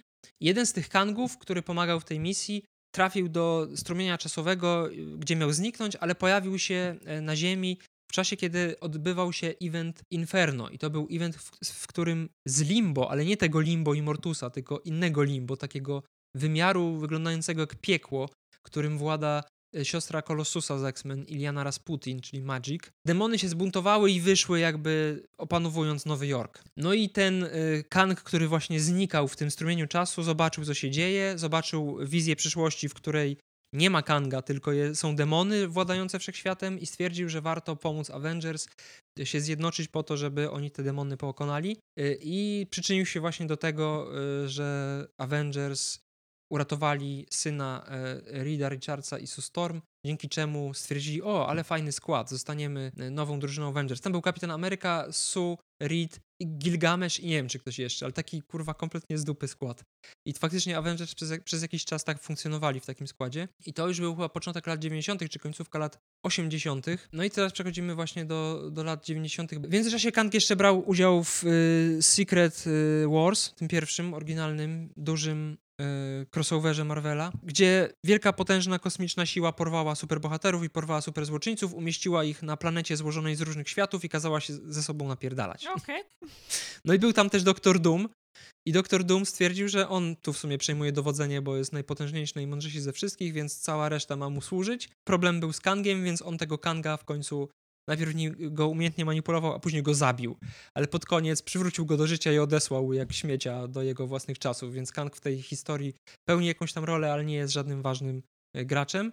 E, I pojawił się też wątek w Fantastycznej Czwórce Nathaniela Richardsa, bo okazało się, że Kang tak naprawdę nazywa się Nathaniel Richards. Tam przez lata było sugerowane, że on jest albo potomkiem Rida Richardsa, albo potomkiem doktora Duma, albo potomkiem ich wspólne, wspólnych potomków. Że w pewnym momencie historii potomkowie Rida Richardsa i doktora Duma zostaną parą, tworząc nową e, linię. I że prawdopodobnie Kang jest potomkiem tej linii.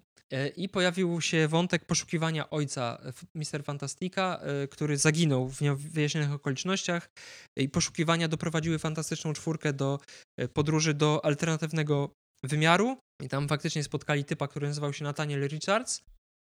I on jakby przybył znikąd w tym, w tym świecie, który został zniszczony po tym, jak ludzkość.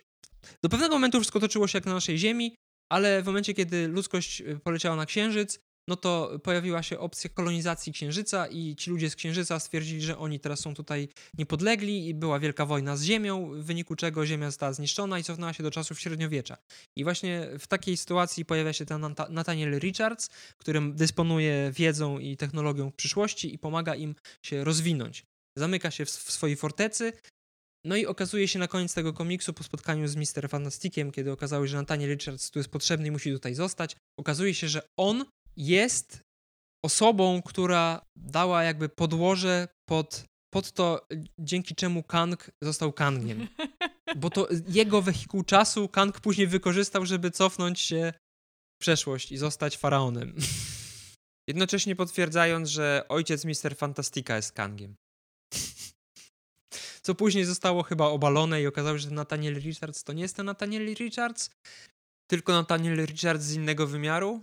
I że w ogóle Kang prawdopodobnie jest y, potomkiem Nathaniela Richardsa z innego wymiaru, który jest jednocześnie Kangiem, to jest pojebane i niewyjaśnione do końca, więc, więc jakby ten wymiar kanoniczny w, komiksu, w komiksach Marvela jako takiego Kanga nie posiada, co jest w sumie logiczne, no bo każda przyszłość jest tak naprawdę alternatywną wersją tego, co może się wydarzyć, a nie faktycznie przyszłością, tak jak początkowo chcieli tego Stanley i Jack Kirby, w ogóle nie myśląc w takich kategoriach, bo tworząc Kanga, nie spodziewali się prawdopodobnie, że ta postać przez tyle lat się utrzyma, bo oni to robili trochę na zasadzie eksperymentu, nie?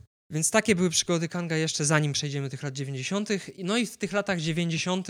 kolejny ważny event Infinity War. No, dosyć istotny event. W którym było zupełnie zupełnie inaczej niż w filmach, bo tutaj chodziło o to, że Adam Warlock skrzykuje grupę superbohaterów Ziemi po to, żeby walczyli z jego złą wersją, Magusem. I Doktor Doom i Kang stwierdzili, że Magus zagraża ich planom, więc połączyli siły po to, żeby własne śledztwo prowadzić, kto ma dostęp do pięciu kosmicznych, kosmicznych kostek, które mają potężną moc, no i to był Magus. Co ciekawe, w tym komiksie pojawia się opcja krzyżowania się dwóch światów alternatywnych, więc ma to moim zdaniem związek z tym, co będzie w Secret Wars tym filmowym, bo prawdopodobnie do tego to zmierza, że, że to, co było w Miss Marvel, nie? że tam jeden świat się połączy z drugim, wyprze jeden z tych wymiarów, to prawdopodobnie tak fani przewidują, że tak się może właśnie dziać w kolejnych Avengersach. Wspólnymi siłami Doom i Kang walczą z Magusem. Tak naprawdę nie jest to aż tak bardzo istotny szczegół, żeby go jakoś szczegółowo omawiać. Może kiedyś przejdziemy do Infinity Wars i sobie to szczegółowi, szczegółowiej omówimy. Ale Kang po raz kolejny pojawia się po tym całym wydarzeniu, kiedy Vision nagle znika bez śladu i Kapitan Ameryka postanawia go odnaleźć. I wyrusza do miasteczka Timely, Easter egg, hehe. Właśnie, co to Timely, Timely, Timely, Timely, Timely? Timely to jest nazwa, pierwsza nazwa wydawnictwa, które stało się Marvelem. A, Timely właśnie, Comics. tak. A ja, a ja szukałam w, w głowie e, po fabule Lokiego. W sumie to ciekawe, że to tak powiedziałaś, bo ma to duży związek z Lokim, ta, ta, ten etap, ten y, moment w historii Kanga komiksowego. Wyrusza do tego miasteczka Timely w stanie Wisconsin, o którym nigdy nikt nie słyszał za bardzo i tam odnajduje Timely Industries i to jest jakaś taka fabryka, w której tworzono różne całkiem zaawansowane rzeczy. No i Kapitan Ameryka wchodzi do tego e, budynku Timely Industries po to, żeby szukać Visiona, bo tam się urywa trop po nim, po czym przenosi się czasy starożytnego Babilonu, gdzie spotyka Gilgamesza. E, I młodą Cersei, co jest głupie, bo Eternals się nie starzeją, więc tutaj scenarzysta dał dupy, ponieważ Eternals rodzą się już w formie, tak jak się urodzą, tacy już są do końca życia. Chyba, że po reinkarnacji przybiorą inną postać. Więc tutaj tego troszeczkę nie przemyślano. No i ten Kapitan Ameryka też znika bez śladu, więc Thor, który tak naprawdę nie jest Torem, bo w tamtym czasie e, funkcję Tora pełnił, Boże, zapomniałem jak się koleś nazywa, typ, który później został superbohaterem Thunder Strike'iem, e, więc on też wyrusza e, na poszukiwania i Visiona i Kapitana Ameryki. On z kolei przenosi się chyba do czasów średniowiecznych. No i w końcu okazuje się, że to miasteczko Timely zostało założone przez Kanga, który w pewnym momencie stwierdził, że cofnie się w czasie do początków, do 1900 chyba tam pierwszego roku, założy miasteczko w Ameryce, którym będzie rządził, y, stworzy podwaliny pod robotykę. I to jakby też po części tłumaczy, po pierwsze, dlaczego w latach 30. Y, i 40. powstał pierwszy Human, Human Torch w czasach II wojny światowej, no bo jakby w tam, tamte czasy nie pozwalały teoretycznie na tego typu rzeczy, przynajmniej w, na, w naszych, naszej rzeczywistości.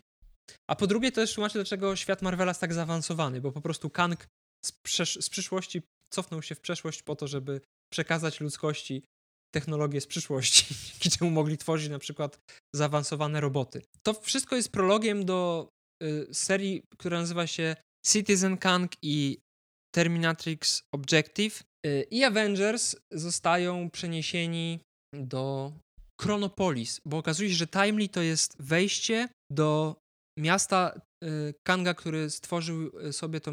Kang stworzył sobie miasto w Limbo, gdzieś na obrzeżach Limbo. I wejście, wejścia do, te, do tego mm, miasta znajdują się i w tej fabryce Timely, i w różnych miejscach rozrzuconych po historii świata. Więc na przykład, będąc w starożytnej Grecji, wchodząc do jakiejś groty, możesz przenieść się do miasta Kanga. I Kang stworzył sobie takie miasto złożone z różnych wycinków y, historii ludzkości. Ono jest tam jakoś ograniczone od któregoś tam roku przed naszą erą do któregoś tam roku w przyszłości. Y, I stworzył sobie drużynę, która nazywa się Anachronauts y, i to byli najwięksi wojownicy z różnych epok historycznych. Wow, to ciekawy, ciekawy koncept. To mi się podoba całkiem. I oni walczyli z Avengersami. To była taka jego straż jakby przyboczna. No i Kang y, porwał Avengers do tego miasta. Ja już kurwa znowu nie pamiętam po co on chciał to zrobić. W ogóle przy tym, jak szybko złapał Avengers, przy okazji wyjaśnił im, że on tak naprawdę od samego początku tylko się z nimi bawi. Te wszystkie jego mm, podboje ziemi to były po prostu próby sił, a nie wcale żadna, żadna poważna konfrontacja. I gdyby on tylko chciał, to mógłby ten XX czy ten XXI wiek podbić pod ręki. Ale tego nie robił, bo chciał mieć rozrywkę kosztem Avengers. Więc Kang jest intrygantem i też jest potężnym przeciwnikiem z tego powodu, że te swoje intrygi bardzo zawiłe y, non-stop knuje. Ale w międzyczasie okazało się, że Ravonna tak naprawdę znienawidziła Kanga za to, kim on się stał i co zrobił. I to ona była tą nebulą niby i stała się nową, y, jakby przybrała nowy pseudonim Terminatrix. I ona chciała doprowadzić do sytuacji, w której Kang zostaje y, zabity. I w końcu jej się to udaje. Y, zamordowała Kanga za pomocą swoich sztyletów, ale okazało się, że to była intryga uknuta przez Kanga, ponieważ zabiła tylko jedną z wersji Kanga, a ta główna wersja Kanga pozostawała w ukryciu. I tak naprawdę to był jeden wielki plan, ponieważ Kang wiedział, że jakaś kobieta od jakiegoś czasu na niego poluje i chciał doprowadzić do zdemaskowania tej przeciwniczki. No i kiedy dowiedział się, że jest to Ravonna, y, nie był zachwycony. Ravonna, która y, była żądna zemsty i wyzwał ją na pojedynek, na śmierć i życie. Y, pojedynek, który oddzielał ją i oddzielał ich i Avengersów polem siłowym, więc teoretycznie nikt nie mógł ingerować w tą walkę. No ale Thor stwierdził, że trzeba Ravonnie pomóc i rzucił Mjolnirem w pole siłowe, po czym Kang to pole siłowe wyłączył, przez co Mjolnir leciał prosto na Rawonnę i Kang odepchnął swoją ukochaną po to, żeby poświęcić swoje życie. I doszło do sytuacji odwrotnej. Jezu, Bo teraz to Kang uratował życie Rawonnie i sam zapadł w śpiączkę. nagromadzenie plot twistów i to tak głupich plot twistów w historii Kanga jest po prostu niewiarygodne. Będą jeszcze głupsze. I to miała być według Rawonny kara za to, że mm, ona chciała go zabić. Żeby on, ona wiedziała, jak on się czuł się przez te wszystkie, przez ten cały czas. I teraz Kang został umieszczony w tubie i to teraz Terminatrix się jakby do niego modliła, tylko w inny sposób. Po prostu miała mu za złe, że on ją tak oszukał. Ale została przez to władczynią Chronopolis i zajęła miejsce Kanga. W międzyczasie okazało się też, że ta rada Cross Kangs to tak naprawdę nie były, y, to nie były wersje Kanga z różnych wymiarów, to nie były jego warianty, tylko to właśnie byli ci kosmici, ci ludzie z innych y, linii czasowych, którzy pokonali Kanga, tego Kanga, który okazał się pajacem i przyjęli jego y, pseudonim, jakby ubrali, przebrali się za Kanga po to, żeby wzbudzać grozę we wszechświecie. Więc tak naprawdę ta rada druga to nie była prawdziwa rada Kangów. Yy, ale wracając do Terminatrix, ona sobie tam rezydowała w tym Chronopolis, ale nagle okazało się, że jest pewna granica, której ona przekroczyć nie może. I ta granica okazała się mieć świadomość i była to jakby taka ciemna masa, która nazywała się Alajoth. Czy coś ci to mówi? Coś mówi, ale jest 22, więc mój mózg nie jest w stanie tego znaleźć w momentach pamięci. Pamiętasz, że w serialu Loki pojawił się, pojawił się taki dym, który ścigał warianty? Tak, tak, tak, dokładnie pamiętam. No i to właśnie jest. Tam To jest właśnie w to. serialu padła nazwa tego, że ja miałam to pamiętać? Może padła, nie nie pamiętam. W każdym razie yy, w MCU on służył wersji Kanga, a tutaj to był jego zaciekły wróg, który nie pozwalał Kangowi podbić pewnego wycinka czasu. I to, i, i to jest wycinek czasu, który sięga bardzo dalekiej prehistorii, do której Kang po prostu nie miał dostępu, ponieważ yy, Alajaw jest tak stary jak wszechświat jest stary, tak jak ci wszyscy Elders Gods i on jakby broni tego momentu, tego wycinka czasu i chce jednocześnie przejąć pozostałą część czasu. Więc Terminatrix została y, zwerbowana przez postać, która nazywa się Revelation, ale... która z kolei zwerbowała y, odpowiedniki, bo to już był czas, kiedy Eric, Eric Masterson, tak się nazywał ten zastępca Tora, to już był czas, kiedy pojawiło się kilka odpowiedników Avengersów tych głównych, więc był Thunderstrike, który był jak Thor, był US Agent, który był jak Kapitan Ameryka i był War Machine, który był jak Iron Man. Ona wzięła ich po to, żeby oni walczyli z Terminatrix, która z kolei miała pod swoimi skrzydłami Avengers. Ale tak naprawdę nie chodziło wcale o żadną walkę na śmierć i życie, tylko chodziło o to, żeby Terminatrix pokazać, w czym leży problem. Ponieważ ten Alajaw zagrażał całemu światu i to było, to akurat jest całkiem fajne w tym komiksie pokazane, jak wygląda Królestwo Kanga. Że na to nie można patrzeć linearnie, że ten czas nie jest taką linią, gdzie ma początek i koniec, tylko jest właśnie taką mapą jakby. Czas jest, y, od, idzie od góry do dołu. I to, co jest na samym dole, jest y, królestwem Alajafa, a pozostałe części są jakby na tym samym, na tej samej linii, czasami sięgają bardziej w dół, czasami bardziej w górę, ale są to y, inne królestwa różnych potęg, które gdzieś tam sobie w czasie funkcjonują. Jest Imperium Kanga, które jest zarządzane w tym momencie przez Terminatrix, jest terytorium TVA, które stanowi największą część tego wycinka czasu, jest Congress of Realities oraz Revelations Empire, to jest bardzo daleka przyszłość, w której ta Revelation żyje. Jak się nie trudno domyślić, to była Ravonna z odległej przyszłości, która... Boże, nie, o matko, ja, ja żałuję, że nie siedziałam z zeszytem, nie robiłam notatek, chociaż ciekawa jestem, jak te notatki by wyglądały w tym momencie. No jest to bardzo skomplikowane, ale... Ja już wiem, jak się czują osoby, którym ja próbuję opowiedzieć yy, jakikolwiek wątek z tak jakby Targarye, z Targaryenami. Ja muszę tłumaczyć, kto jest kim, jeszcze zwłaszcza, że oni się wszyscy podobnie nazywają i tak dalej i wszyscy sypiają między sobą. Już wiem, jak się czują tacy ludzie. Uwierz mi, że ja też mam z tym problem. Czytając y, te komiksy, przygotowując się do tego tematu, miałem spory problem. Już nie wiedziałem, który kank jest którym i co, o co tu kurwa chodzi. Tym bardziej, że plot twisty są bardzo do siebie podobne.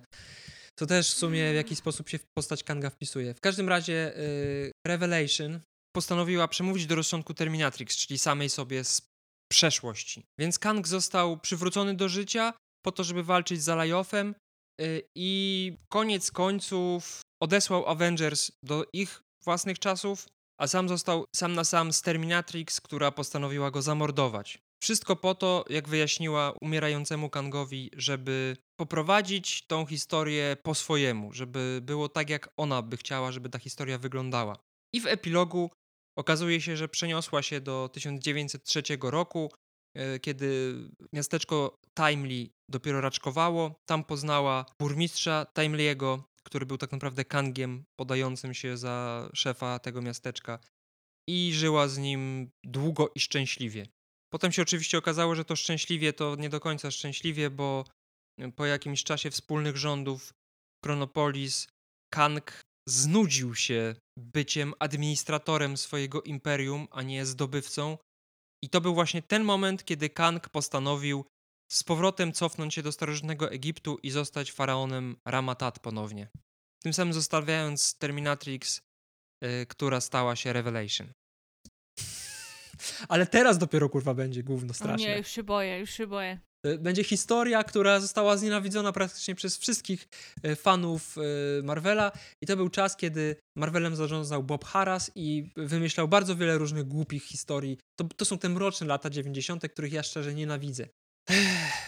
Krótko, bo ja sam się w tym pogubiłem. Jest to tak chaotyczny komiks, że ja nie bardzo wiem o co w tym chodzi. W każdym razie Kang przez lata manipulował Tonym Starkiem. I Tony Stark był jego ukśpionym agentem. I on robiąc różne dziwne rzeczy, tak naprawdę robił je na polecenie Kanga. I to nie jest do końca wyjaśnione, czy on o tym wiedział i on był zdrajcą, czy on o tym nie wiedział. I Kang to robił po to, żeby osłabić Ziemię, po to, żeby ją podbić. What? To jest jedna ważna rzecz, bo tu się pojawia Wasp i ona pełni ważną rolę. Zostaje... A wciąż jest tak seksistowsko przedstawiona? Już mniej, bo to już są czasy po tym, jak Wasp została szefową Avengers, została odnoszącą sukcesy bizneswoman, więc ona w późniejszych czasach się bardzo wyrobiła, więc tego y, to akurat trzeba przyznać. Tony Stark morduje Yellow Jacket, która była taką y, podrzędną superbohaterką. Warto zaznaczyć, że to była druga Yellow Jacket, bo pierwszym Yellow Jacketem był Hank Pym. Morduje y, nianie córki Quicksilvera i Crystal, która jest członkinią Inhumans. Na polecenie Kanga Avengers to odgrywają, zaczynają z Iron Manem walczyć.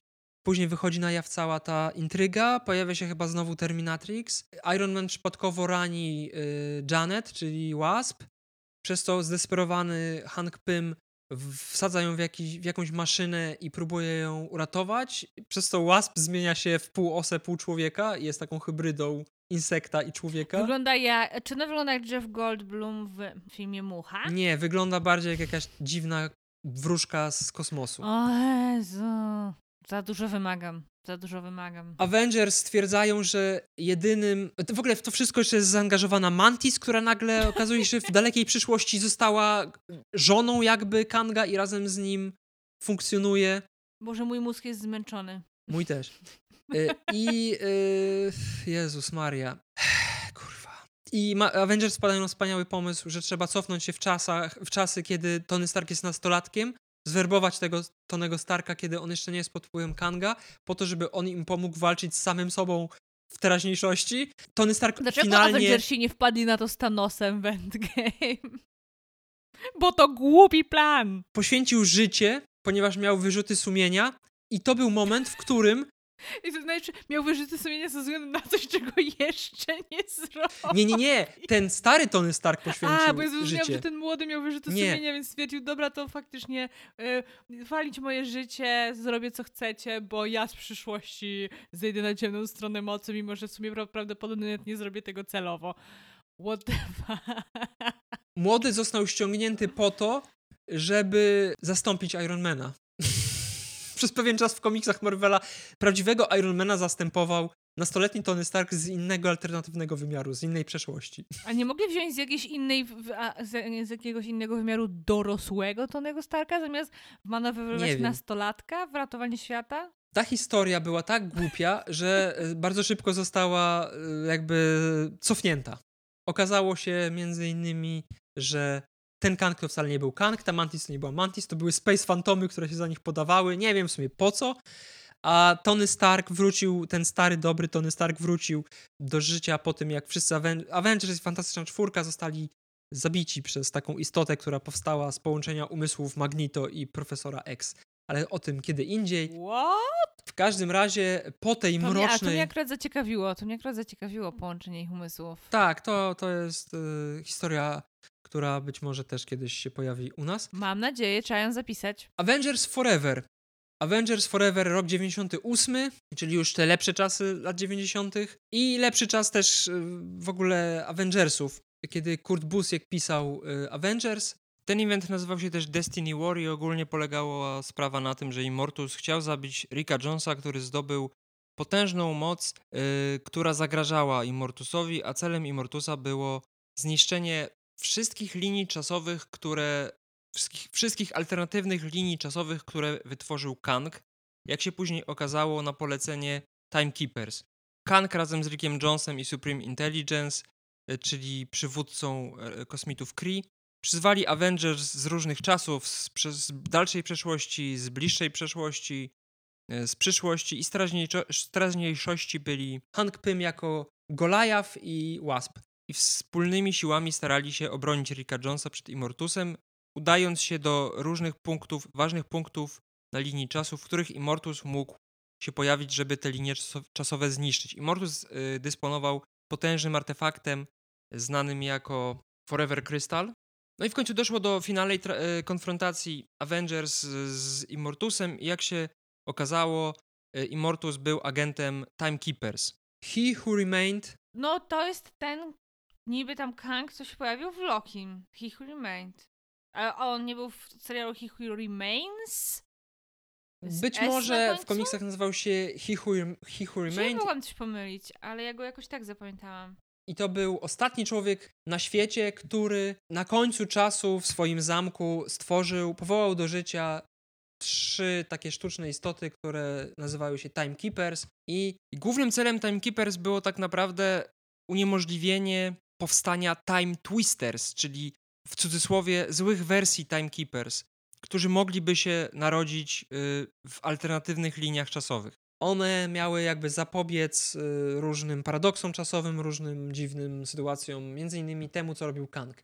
No i te trzy istoty, kiedy zyskały autonomię, stwierdziły, że Immortus będzie ich agentem, bo jest idealną osobą do tego, żeby walczyć z Kangiem, ponieważ go szczerze nienawidzi i robi wszystko, żeby tego Kanga powstrzymać. I dostał polecenie Immortus od y, Timekeepers, że powinien zniszczyć wszystkie te linie czasowe, które Kang wytworzył. I dzięki artefaktowi, który nazywał się Heart of Forever, mógł zrobić to za jednym zamachem. Mógł pozbyć się, bo on miał moc jakby nad czasem, potrafił przenieść się do jakiegoś wymiaru i unicestwić ten wymiar, ale chciał mieć to z bani w obawie przed tym, że Kang stworzy kolejne alternatywne linie czasowe, więc chciał mieć y, zniszczyć Kanga i to, co on stworzył raz na zawsze. I Kang y, razem z Supreme Intelligence i Rickiem Jonesem zebrał drużynę Avengers złożoną z Avengers z różnych okresów historycznych. No i oni podzielili się na różne drużyny po to, żeby cofnąć się do różnych ważnych punktów w historii świata, bo wiedzieli, że tam Immortus może zaatakować. Finalnie okazało się, że niewiele im ta podróż w czasie dała. Y, członkiem drużyny był też Yellow Jacket, który w komiksach jest alter ego Hanka Pyma. W pewnym momencie Hank Pym y, jakby troszkę oszalał, y, uznał, że to było to jeden raz? Hank Pym nie żyje, stworzył własną, stworzył inną wersję siebie, takiego zadziornego, hamskiego typa, który porwał łasp i stwierdził, że ona się z nim teraz ożeni. I tak doszło między y, innymi do ślubu y, Hanka Pyma z Janet, kiedy on oczywiście później z czasem zyskał swoją dawną świadomość i ten Yellow Jacket zniknął. Y, ale ten Yellow Jacket, który pojawia się w historii Avengers Forever, został wzięty właśnie z tego momentu, w którym jeszcze Hank Pym nie uleczył się i on jakby nie akceptował tego, że jest Hankiem Pymem, więc w drużynie jest dwóch Hanków Pymów. No i okazuje się, że Immortus stoi za tym wszystkim, napędzany przez Timekeepers. Okazuje się, że Space Phantomów w ogóle jest kilku, bo Space, Space Phantom to był drugi przeciwnik Avengers, który postanowił według Avengers numer dwa przybyć na Ziemię i y, odesłać Avengers do Limbo, żeby podbić planetę. A później to zostało zmienione, że to jest właśnie taka istota istniejąca w Limbo poza czasem, która potrafi przybierać różne formy i służy Immortusowi. Jak się okazało, Immortus tych Space Phantomów sobie y, wytwarzał, bo ludzie uwięzieni w Limbo z czasem zmieniali się w Space Phantomy. Dzięki czemu Y, Immortus mógł ingerować w losy Ziemi. I okazało się, że Immortus od dawna ma Avengers na oku i on jakby ich prowadzi, oni są tego nieświadomi. I on między innymi sprawił, że Vision i Scarlet Witch się w sobie zakochali. On zresztą udzielił ślubu Visionowi i Scarlet Witch. On udzielił też ślubu Mantis i duchowi Swordsmana, dzięki czemu mógł się narodzić ten, to, to mogło się narodzić to dziecko niebiańskiej Madonny.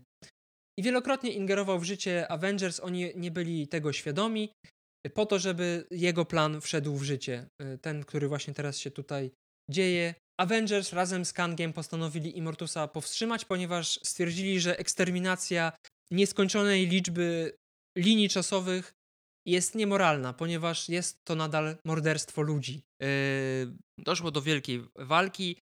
Timekeepers przywołali Avengers z różnych alternatywnych linii czasowych i podczas tej batalii Immortus, wydaje mi się, że z tego to dobrze pamiętam, został zabity, więc Timekeepers postanowili przeistoczyć y, w Immortusa Kanga.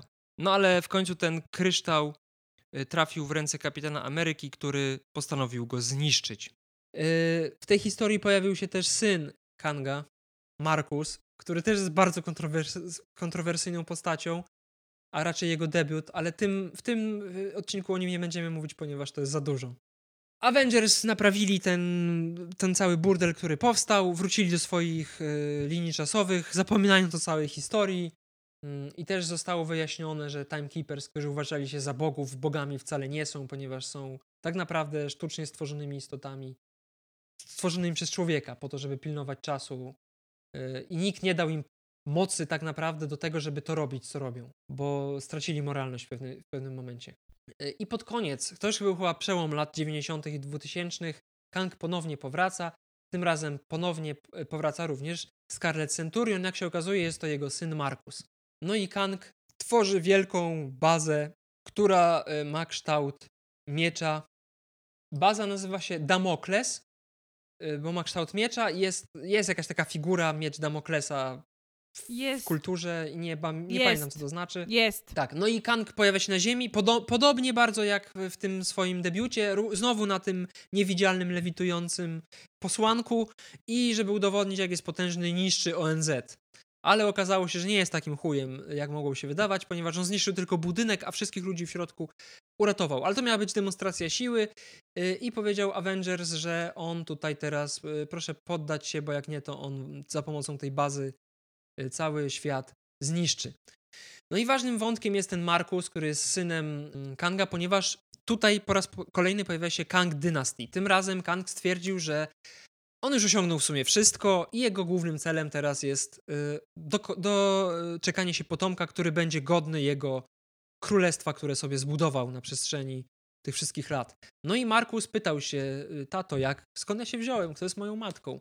No i tutaj pojawia się takie faszystowskie oblicze Kanga, który stwierdził, że za pomocą nauki wyselekcjonuje kobietę, która będzie idealna genetycznie na bycie jego partnerką. Jezu Chryste, spłodzi, ja myśl... spłodzi tego syna i będzie go i wrzuci go do różnych okresów, okresów historycznych, żeby pod okiem największych wojowników walczył. On będzie co jakiś czas go odwiedzał po to, żeby nadzorować Boże, on jego... brzmi naprawdę jak taki faszystowski tak. ojciec, już współczuje nawet temu dziecku, ale jedyny plus te, tej sytuacji jest taki, że przynajmniej stworzy tę kobietę od zera, a nie będzie z...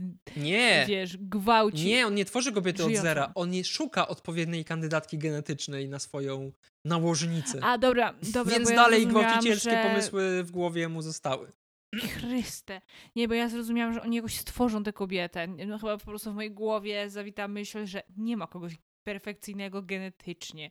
Nie wiem, może doktor Mengele by się nie zgodził, ale go nie zapytamy. E, ale Jezu Chryste, co to jest za... O Matko Święta. Kang zdobywa potężną moc, dzięki której po raz kolejny demonstruje swoją siłę, niszcząc tam, już nie pamiętam, jakieś miasto chyba w Ameryce. Więc Avengers e, nie pozostaje nic innego, jak podpisać Y, traktat o tym, że się poddają i że są w ogóle do dyspozycji Kanga. Więc Kangowi w końcu się udaje podbić Ziemię. Ale w międzyczasie pojawia się jakiś dziwny obiekt latający, jakaś taka dziwna kosmiczna piramida, która zagraża Kangowi, więc Avengers wykorzystują sytuację, żeby Kanga osłabić, infiltrują jego bazę w kształcie miecza. Kapitan Ameryka zdobywa moce, dzięki któremu y, toczy wielką walkę w kosmosie. I to jest taka walka holograficzna jakby, że oni wykorzystując technologię walczą ze sobą, ale nie materialnie. Oboje są w różnych miejscach i te ich manifestacje ze sobą walczą, ale zadają sobie ciosy, w które oni czują. No i oczywiście Markus, który zakochuje się w Carol Danvers, a raczej coś do niego, e, do, coś do Carol Danvers go ciągnie, daje dupy i przez to zostaje baza e, Kanga zniszczona kompletnie. I Kang e, stwierdza, że dobra kurwa, dałeś dupy Markus, czyja była to wina? No i Markus go okłamuje, że to w ogóle nie miało nic wspólnego z Carol Danvers, która wówczas jest Warbird, a jeszcze nie Kapitan Marvel. Kang zostaje pokonany, zostaje wtrącony do celi, ale jest szczęśliwy, ponieważ ma świadomość, że to była dobra lekcja dla jego syna, któremu udaje się uciec i że w przyszłości jego syn, który został odpowiednio przez Kanga wyszkolony, osiągnie to, czego on nigdy nie osiągnął, a on może spokojnie gnić w więzieniu, które zostało zbudowane specjalnie dla niego, jest ukryte pod górą i on tam w tej celi sobie siedzi, to jest w ogóle jakieś więzienie, do którego nikt nie ma dostępu i nagle pojawia się Markus, który Kanga ratuje zabiera go z powrotem do tej bazy w przyszłości i mówi mu, tato, znowu jesteś, y, cieszysz się, uratowałem cię, jest super, jest fajnie. No i Kang nie jest zadowolony, tym bardziej, że okazało się, że on wiedział, że on go okłamał, że chodziło o słabość do kobiety i że popełnił poważny błąd i denerwuje go to, że go okłamał, ale jakby uszło mu płazem to, że Kang został schwytany i wtrącony do tej celi i stwierdził, że ma nadzieję, że Markus będzie po prostu, nauczy się na jego błędach jak trzeba tą ziemię podbić. Zresztą był spełniony też, bo w końcu mu się tą ziemię udało podbić. No i Kang stwierdza, że teraz wyjawi prawdę Markusowi, że tak naprawdę Markusów na przestrzeni yy, dziejów było wielu, że on tych synów sobie tworzył z różnymi kobietami po to, żeby mieć idealnego syna, ale do tej pory żaden z nich nie spełnił jego oczekiwań i wyjawiając, po wyjawieniu mu, to, mu, tej prawdy zabija swojego własnego syna i umieszcza go w krypcie, w takiej komorze, gdzie są zwłoki jego poprzednich synów, których również zabił Jezu, za niepowodzenia. E, no. Matko święta. I tak Kang wchodzi w nowe tysiąclecie, e, które jest dużym zwrotem w historii Kanga, ponieważ to już jest e, rok 2005, Young Avengers. Young Avengers zaczyna się od tego, znaczy poza kadrem dochodzi do Avengers Disassembled. Avengers się rozpadają, Scarlet Witch popada w obłęd, zabija kilku członków Avengers, innymi y, Antmana i nagle z dupy pojawia się grupa superbohaterów, nastolatków, którzy do złudzenia przypominają Avengers, więc prasa okrzykuje ich jako Young Avengers. I jest to Patriot, jest to Hulkling, jest to Asgardian i Iron Lad. I ci superbohaterowie walczą tak jak walczyli do tej pory Avengers, którzy, których członkowie nadal gdzieś tam istnieją, ale działają solo, już nie jako Avengers, ponieważ ta katastrofa doprowadziła do zniszczenia Avengers Mansion i mm, superbohaterowie uznali, że bezpiecznie będzie, kiedy nie będzie żadnej super drużyny złożonej z członków y, Avengers. No i pod koniec pierwszego numeru okazuje się, że Iron Lad, no bo cała reszta, no to Patriot to jest y, wnuk y, omawianego przez nas czarnoskórego kapitana Ameryki Y, Isaiah Bradley'a. Asgardian to jest jeszcze o tym niewiedzący y, syn Scarlet Witch, czyli później, on później zmieni y, pseudonim na Wiccan, a Hulkling to jest Hulkling, jego chłopak. No i okazuje się, że Iron Ladem jest Kang. Nastoletni Kang, który trafił do teraźniejszości, ponieważ yy, Kang, stary Kang, pojawił się w momencie, kiedy Y, Kang nastolatek był dręczony przez y, szkolnych dręczycieli i powiedział mu: Widzisz, jesteś pomiatany, nie tak powinna wyglądać twoja droga. Ja ci teraz pokażę, kim ja się stałem. Ci ludzie y, podcięli mi gardło za rok od tego momentu. W ogóle nikt mnie tutaj nie szanował, byłem śmieciem. Chcę, żebyś uniknął tych traum. Chodź ze mną, ja ci pokażę, kim możesz się stać. No i Kang ściąga swój kostium, daje y, go samemu sobie, tej młodszej wersji, ale młody Kang widząc, kim stał się w przyszłości, dochodzi do wniosku, że nie chce być taką osobą i cofa się w przeszłość do czasów Avengers. Ale okazuje się, że Avengers nie ma, bo zostali rozwiązani. Nie żyje wielu superbohaterów, ale na zgliszczach Avengers Mansion y, Kangowi młodemu udaje się znaleźć szczątki Wirzyna, którego uruchamia, jakby jego system operacyjny został uruchomiony i dzięki czemu hologram Wirzyna mówi mu, że stworzył na wszelki wypadek taki specjalny protokół y, z listą nazwisk potencjalnych następców Avengers. No i on tych potencjalnych następców Avengers werbuje, tworząc Young Avengers i ich głównym celem jest zapobiegnięcie atakowi Kanga na Ziemi. I kiedy Avengers dowiadują, czy byli Avengers dowiadują się, że Young Avengers działają, no to im się to nie podoba. Po pierwsze są to dzieci, po drugie jest to kolejna drużyna, która y, została stworzona na wzór Avengers i postanawiają tą drużynę rozwiązać. Ale dowiadują się prawdy o Iron Ladzie i oczywiście Iron Lad ma rację. Y, faktycznie warto było się bać tego, że Kang przyjdzie na Ziemię, bo przychodzi i postanawia wszystkich zniszczyć. Co ciekawe, z Kangiem finalnie walczą Young Avengers, ponieważ y, starzy Avengers zostali zneutralizowani przez Kanga, a do Young Avengers dociera, że jedyny sposób na pokonanie Kanga to wysłanie Iron Lada do jego właściwego czasu. Ale Iron Lad nie chce wracać do domu i zabija samego siebie, przez co dochodzi do paradoksu czasowego. Rzeczywistość zaczyna się zmieniać, a członkowie Young Avengers powoli zaczynają znikać. Więc wtedy wszyscy dochodzą do wniosku, że e, Iron Lad musi wrócić do przeszłości, poddaje się i rzeczywiście znika, przez co przez to wszystko to, co zostało, w co zmieniła się rzeczywistość po zabiciu Kanga, wraca do rzeczywistości sprzed zabicia Kanga. Ale na miejsce Iron Lada pojawia się nowy Vision, który ma osobowość e, Kanga nastolatka. On jakby zastępuje Iron Lada w Young Avengers. No i później, kiedy okazuje się, że Scarlet Witch jest prawdopodobnie matką Wiccana i Speeda, e, Young Avengers postanawiają odnaleźć ją e, i wyjaśnić całą sytuację. No i wtedy też pojawia się ponownie Iron Lad e, i też ponownie pojawia się Kang, który trafia do alternatywnej przyszłości, w której Young Avengers zostają Avengers, a Iron Lad zostaje Kangiem, ale dobrym Kangiem, więc jakby losy Kanga są różne.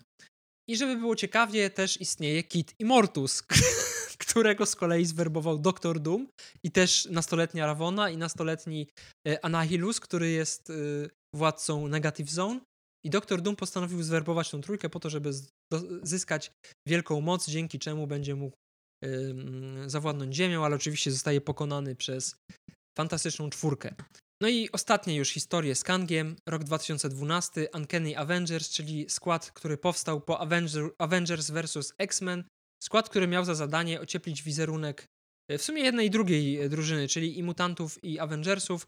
Przez to jest to skład mieszany. Są tam i członkowie Avengers, i członkowie X-Men.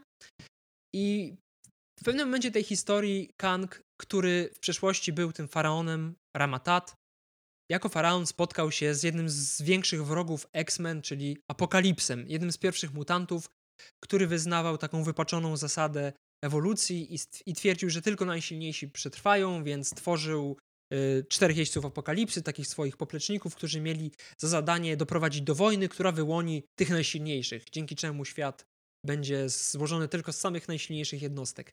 No i przez to, że on żył w czasach starożytnego Egiptu, w pewnym momencie spotkał się z Ramatat, toczył z, nimi z nim wojny i Kang postanowił udać się do punktu w czasie, w którym jedni z, członk y, jedni z członków y, czterech jeźdźców apokalipsy spodzili bliźnięta. Jesus Christ. Co? Poczekaj, jeszcze raz, co? Bliźnięta apokalipsy, które mają Ale... super potężne moce. Czyli jak one zostały poczęte? One zostały poczęte. dobrze zrozumiałam. Ich rodzicami by, byli członkowie jeźdźców apokalipsy. A którzy?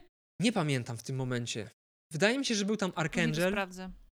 I jakaś y, postać, która po prostu pełniła jedną z funkcji wśród tych jeźdźców apokalipsy. Kang postanowił cofnąć się do czasów, kiedy oni się urodzili, po to, żeby ich przejąć, żeby oni byli jego prawą ręką. Więc znowu te marzenia o idealnych dzieciach, które pozwolą mu podbić wszechświat. I jak się okazało, znowu zawiły kurwa plan, który nie miał prawa się udać. Więc on ich szkolił przez lata, oni byli jego sługusami, on im pokazał, że on w wielu alternatywnych rzeczywistościach osiągnął sukces, ale w tej jednej nie może pokonać Avengersów. Pokazał mi nawet swoją salę e, z trofeami, w których były różne artefakty, takie jak tarcze Kapitana Ameryki, macki Doktora Octopusa, kostium Daredevila, zbroje Ironmana, ale również na przykład głowa Nika Fury'ego wypchana. Więc takie różne miał pamiątki i suweniry. That's creepy. Więc Kang wziął y, Apocalypse Twins pod swoje skrzydła, chciał je wychować na swoich wojowników, ale oczywiście doszło do takiego momentu, w którym te bliźnięta się zbuntowały i postanowiły działać wbrew woli Kanga. I wtedy Kang stwierdził, że trzeba te bliźnięta powstrzymać, więc sprzymierzył się szczególnie po tym, kiedy one zniszczyły jego przyszłość, więc sprzymierzył się z Avengersami z przyszłości, w ogóle stworzył taką grupę złoczyńców y, z różnych okresów z przyszłości, która nazywała się Kronos Corps. I wspólnymi siłami z Avengersami te bliźnięta pokonali, ale tak naprawdę to też był tylko jeden z planów Kanga. Wszystko po to, żeby zdobyć moce Celestiala, co częściowo się udało, ale oczywiście Kang został pokonany. Generalnie chodziło o to, że e, Apocalypse Twins y, chcieli uratować chcieli stworzyć przyszłość, w której rządzą mutanci i zniszczyć całą ludzkość. Więc y, Kang postanowił do tego nie dopuścić i żeby zyskać pomoc Avengers, jakby porwał, przeniósł w bezpieczne miejsce, ale de facto porwał córkę, córkę Havoka i brata Cyclopsa, który był członkiem Uncanny Avengers i Wasp z alternatywnej przyszłości. Więc Havok chcąc nie chcąc musiał połączyć siły z Kangiem po to, żeby ocalić swoją córkę, żeby ją odzyskać. E, no i Kang jeszcze gościnnie razem z Iron Ladem i Mortusem pojawiają się na końcu czasu e, w e, evencie Infinity, kiedy Kapitan Ameryka próbuje odzyskać kamień czasu i tam spotyka właśnie te trzy wariacje na temat Kanga, które ze sobą współpracują i starają się uniemożliwić to, czego chce dokonać Steve Rogers. No i później Kang na kilkanaście miesięcy znika, po czym pojawia się w 2015 roku w All New, All Different Avengers. To jest ten skład, w którym jest Thor Jane Foster, w którym jest Kamala Khan. Y, I my w sumie przy Kamali Khan trochę o tym wspominaliśmy. Jest to czas, w którym Stark Industries upada y, i całą firmę Starka przejmuje tajemniczy Mr. Gryphon i ten y, typ zakłada firmę Quenk Enterprises, czy tam Industries, czy coś w tym stylu. No i jak się nie trudno domyślić, jest to kolejna wersja Kanga, która została uwięziona w, w teraźniejszości i nie może wrócić do swoich czasów, ale postanawia wykorzystać tą sytuację po to, żeby podbić świat i zniszczyć Avengers. I Mr. Gryfon, chociaż sam nie potrafi się przenosić w czasie, może przenosić w czasie innych. Więc przenosi w czasie takiego starego wroga Avengers, który nazywał się Equinox i, i nowy skład Avengers z nim walczy domyślają się, że Kuenk to jest pochodna Kanga, tym bardziej, że ci, y, te, te Equinoxy mówią bo on robi jakby kopiuj wklej z czasu i przywyzywa różne wersje Equinoxa z krótkich odstępów czasu. I one wykrzykują chwała dynastii, więc domyślają się, że to jest kolejna, kolejny pomysł na to, żeby stworzyć dynastię Kanga. No i walczą z tym Kangiem, Kang, znaczy z tym Mister Gryfonem, który, Misterem Gryfonem, który zostaje pokonany w sumie głównie dzięki Thor, e, bo Thor ma swój Mjolnir i Mjolnir sprzed kilkudziesięciu minut, który znalazła w przeszłości i za pomocą dwóch Mjolnirów wysyła e, Mister Gryfona e, w odmęty czasu. Ale na tym się przygoda z Kangiem nowych Avengers nie kończy, ponieważ nagle pojawia się Kang i ma pretensje do Vizyna, pyta się, gdzie jest dziecko. No i początkowo nie wiadomo, o jakie dziecko chodzi, po czym okazuje się, że Vision który przez Mister Gryfona został zmanipulowany, żeby walczyć przeciwko Avengers, wkurwił się nie na żarty. Poza tym miał powody, bo wcześniej Immortus też wykorzystał Visiona na kilka różnych sposobów. Cofnął się w przeszłość po to, żeby wykraść małego Kanga i nie dopuścić do tego, że Kang staje się Kangiem. Oddał Kanga do takiej sekty y, Priest of Pama. To trochę taka bardziej lżejsza wersja tego, co Rowdy tak, chciał zrobić tak. z Thanosem w Endgame, no bo Rowdy chciał po prostu Thanosa a, wy nie widzicie, jak pokazuje. E, Uśmiercić. go zabić, tak. tak. Pokazał ten taki fajny... No i Vision to dziecko wykrada, oddaje tym kapłanom Pamy. No i przez to, że Vision porwał tego bobaska Kanga i, i ten Kang nagle się jakby dzieli na pół i okazuje się, że z niego wykształcił się Scarlet Centurion i oni wspólnymi siłami stwierdzają, że zemszczą się na Avengers i zabijają ich jako dzieci. Wszystkich członków Jezu, Avengers Boże, poza Herkulesem, nie, Jezu, który Boże. jest odporny na to. Jemu udaje się e, przywrócić Avengers jakby do życia. Znaczy oni nie umierają, oni trafiają poza czas. O Chryste.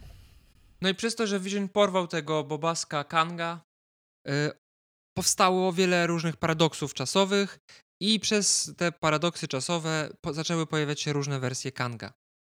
Y, no i okazuje się, że Kang karmi się jakby paradoksami czasowymi, więc on tworząc te paradoksy w przeszłości stawał się potężniejszy, dzięki czemu jest w stanie przywoływać różne wersje siebie i przywołuje między innymi wersję siebie, która wygląda trochę jak Modok, co jest dość interesujące, biorąc pod uwagę to, że Modok pojawi się w Quantum Mani. I w końcu dzięki Wasp, ale dzięki Nadi Wasp, nowej Wasp, udaje się Kanga pokonać.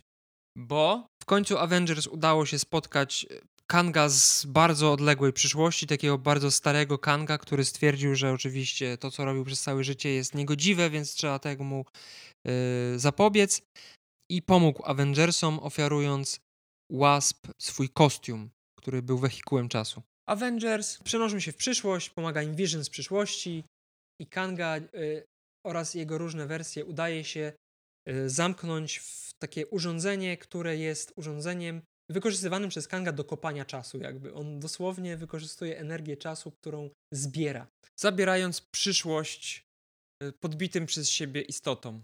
I też się okazało w, te, w tej historii, że Kang w piramidach jako Ramatat ukrył, pod, pod piramidami ukrył technologię, z której mógł korzystać, więc tam też jest akcja z dywersją i cofania się w przeszłość, razem z oczywiście z Avengersami z przeszłości po to, żeby niszczyć te zasoby Kanga i go osłabić w przyszłości.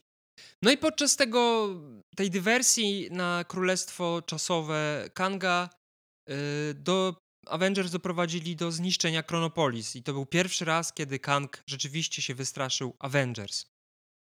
E, no i tutaj już takie, ta, taka pobieżna e, sprawa związana z Kangiem. Event Infinity Countdown i Infinity Wars, w którym pojawia się tajemnicza postać Requiem, która chce zebrać kamienie nieskończoności, które pojawiły się ponownie po ich zniszczeniu. Postać, która zabija m.in. Thanosa, z którą Avengers, Strażnicy Galaktyki i inni superbohaterowie postanawiają walczyć. I tutaj Kang znowu staje po stronie dobra.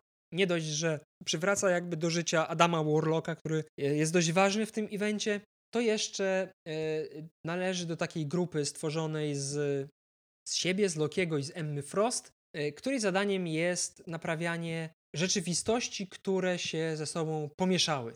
I na przykład istnieje, jest wymiar, w którym działa Miskang, czyli połączenie Kamali Khan z Kangiem.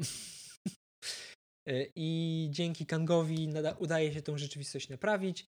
Więc Kang jest y, członkiem Avengers, jakby nie patrzeć, bo ta grupa nazywała się Cosmic Avengers. No i tam Kang oczywiście też bierze udział w tej finalnej walce.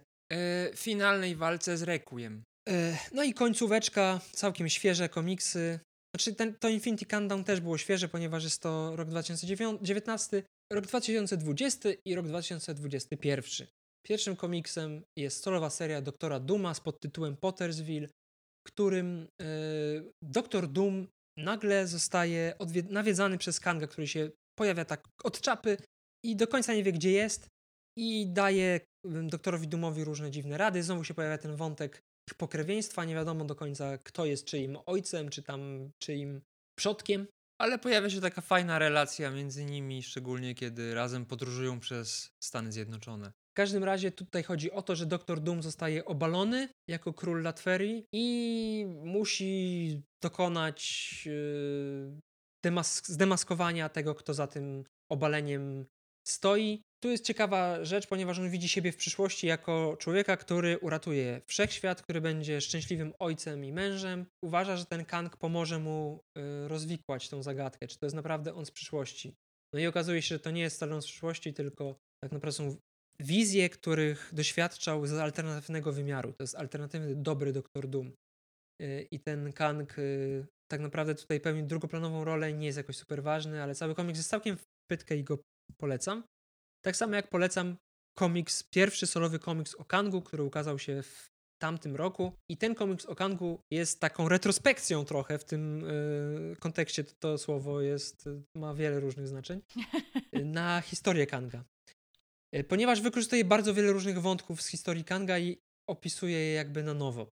Zaczyna się w ogóle wszystko od tego, że Aleksander Wielki podobno, jakiś taki apokryf na jego temat, Podobno y, był zrozpaczony, kiedy dowiedział się od jakiegoś uczonego, że istnieją prawdopodobnie alternatywne rzeczywistości i on dowiedział się, że nie może ich podbić, to zapłakał e, rzewnymi łzami, ponieważ nie był w stanie podbić całego świata, a co dopiero tych alternatywnych rzeczywistości. To jest zestawione z Kangiem, który jest jakby e, taką ultimate wersją Aleksandra Wielkiego. No i znowu się pojawia ta przeszłość, znowu się pojawia ta wersja młodego Kanga, który jest znudzony tą rzeczywistością, tylko tutaj postanowiono trochę spojrzeć, do, dopisać portret psychologiczny Kangowi. Dlaczego on to tak napra naprawdę robi? Że wcale nie chodzi o to, że on jest znudzony, tylko, znaczy po części tak, ale to jest głębiej, głębsze spojrzenie na, tą, na tą całą sytuację. Że Kang jest uwięziony, on jest jakby więźniem tego swojego, tej swojej ery, w której nie może niczego dokonać, bo wszystko już zostało jakby odkryte, co nie jest do końca oczywiście prawdą. No i pojawia się Kang, który z, przy, z przyszłości tego Kanga, który jest już tym dorosłym Kangiem i mówi mu, słuchaj chłopcze, ja ci zaoszczędzę twoich porażek, chodź ze mną, ja ci pokażę jak zostać Kangiem, prawdziwym Kangiem zdobywcą, który nie odnosił tych porażek, więc ponownie e, wątek Iron Lada, ponownie ta niespełniona, to niespełnione ojcostwo Kanga, zabiera go w daleką przyszłość, pokazuje mu te swoje różne sztuczki, pokazuje mu w ogóle całą swoją historię, więc młody Kang wie, co go czeka w przyszłości i zabiera go na planetę, która w przyszłości, która jest u kresu zagłady, że za rok od tego momentu, w którym my się tu pojawiliśmy, ta planeta przestanie istnieć, tutaj nie ma w ogóle żadnych ludzi, tutaj są same jakieś takie dinozaury, tutaj masz tylko się y, jakby zahartować w boju, walczyć z tymi dinozaurami, przeżyć w tym nieprzyjemnym środowisku po to, żebyś był zajebistym zdobywcą w przyszłości. Ale okazuje się, że Kang go okłamał, y, młody Kang spotyka dziewczynę i zakochuje się, mimo tego, że wcześniej stary Kang mówi mu nigdy nie kochaj. To jest podstawowa zasada, nigdy nie możesz kochać. Świetna rada. Zakochuje się w tej dziewczynie, która jest taką yy, z perspektywy dzisiejszej cywilizacji dzikuską i ona zabiera go do starej kobiety, która jest przywódczynią tej wioski i ta przywódczyni widzi w nim zbawcę, ponieważ wcześniej Kang zabił dinozaura, który zagrażał tej wiosce. No i ona mu jakimś taką mazią, bo tam oni mają takie malunki na twarzy, maluje na twarzy takie dwie kreski, które mu idą prze, przez oczy, nie? Które odnoszą się do tej maski Kanga. W, e, w filmie to, to będą blizny, być może wywołane tym, że Nathaniel Richards znajdzie się w tym e, Quantum Verse i będzie, też ulegnie wypadkowi jak Ramatat. Tutaj e, Kang blizn nie ma, on pod spodem ma normalną twarz jakby, sensie nieoszpeconą, ale pojawia się po raz pierwszy ten taki wątek jakby przewijający się przez życie Kanga. No i tutaj pojawia się też pierwsza kłótnia pomiędzy młodym Kangiem a starym Kangiem. No i kiedy stary Kang dowiaduje się, że młody Kang się zakochał i że w ogóle tutaj chce on ratować tych ludzi, y, ocalić ich przed tą apokalipsą, mówi mu: Słuchaj, synku, jesteś w ogóle mięczak, patrz co się robi z takimi ludźmi. Przychodzi tej wioski, wszystkich morduje na oczach tego młodego Kanga. Przez to młody Kang jeszcze bardziej nienawidzi samego siebie z przyszłości i postanawia doczekać do tego momentu, w którym ta apokalipsa nadejdzie. Wykorzystuje sytuację, że Kang y, się upija, zabiera jego kostium i przenosi się w czasie. Trafia do starożytnego Egiptu, gdzie poznaje kobietę, która jest ówczesnym Moon Knightem. Swoją drogą, zapomniałem o tym wspomnieć, West Coast Avengers w latach 80. też się z Ramatat spotkali, ponieważ Konshu się pojawił, zwerbował ich, żeby cofnęli się do tego samego momentu, w którym Fantastyczna Czwórka po raz pierwszy spotkała się z Ramatat, po to, żeby pomogli Fantastycznej Czwórce w walce z Ramatat, ponieważ przez to, że Ramatat podbił Egipt, wiara w bogów egipskich poszła do lamusa i Konszu stracił swoją moc, więc żeby wygnać Ramatat ze starożytnego Egiptu, potrzebował pomocy dwóch drużyn superbohaterskich, które działały w tym samym czasie, nie wiedząc o tym.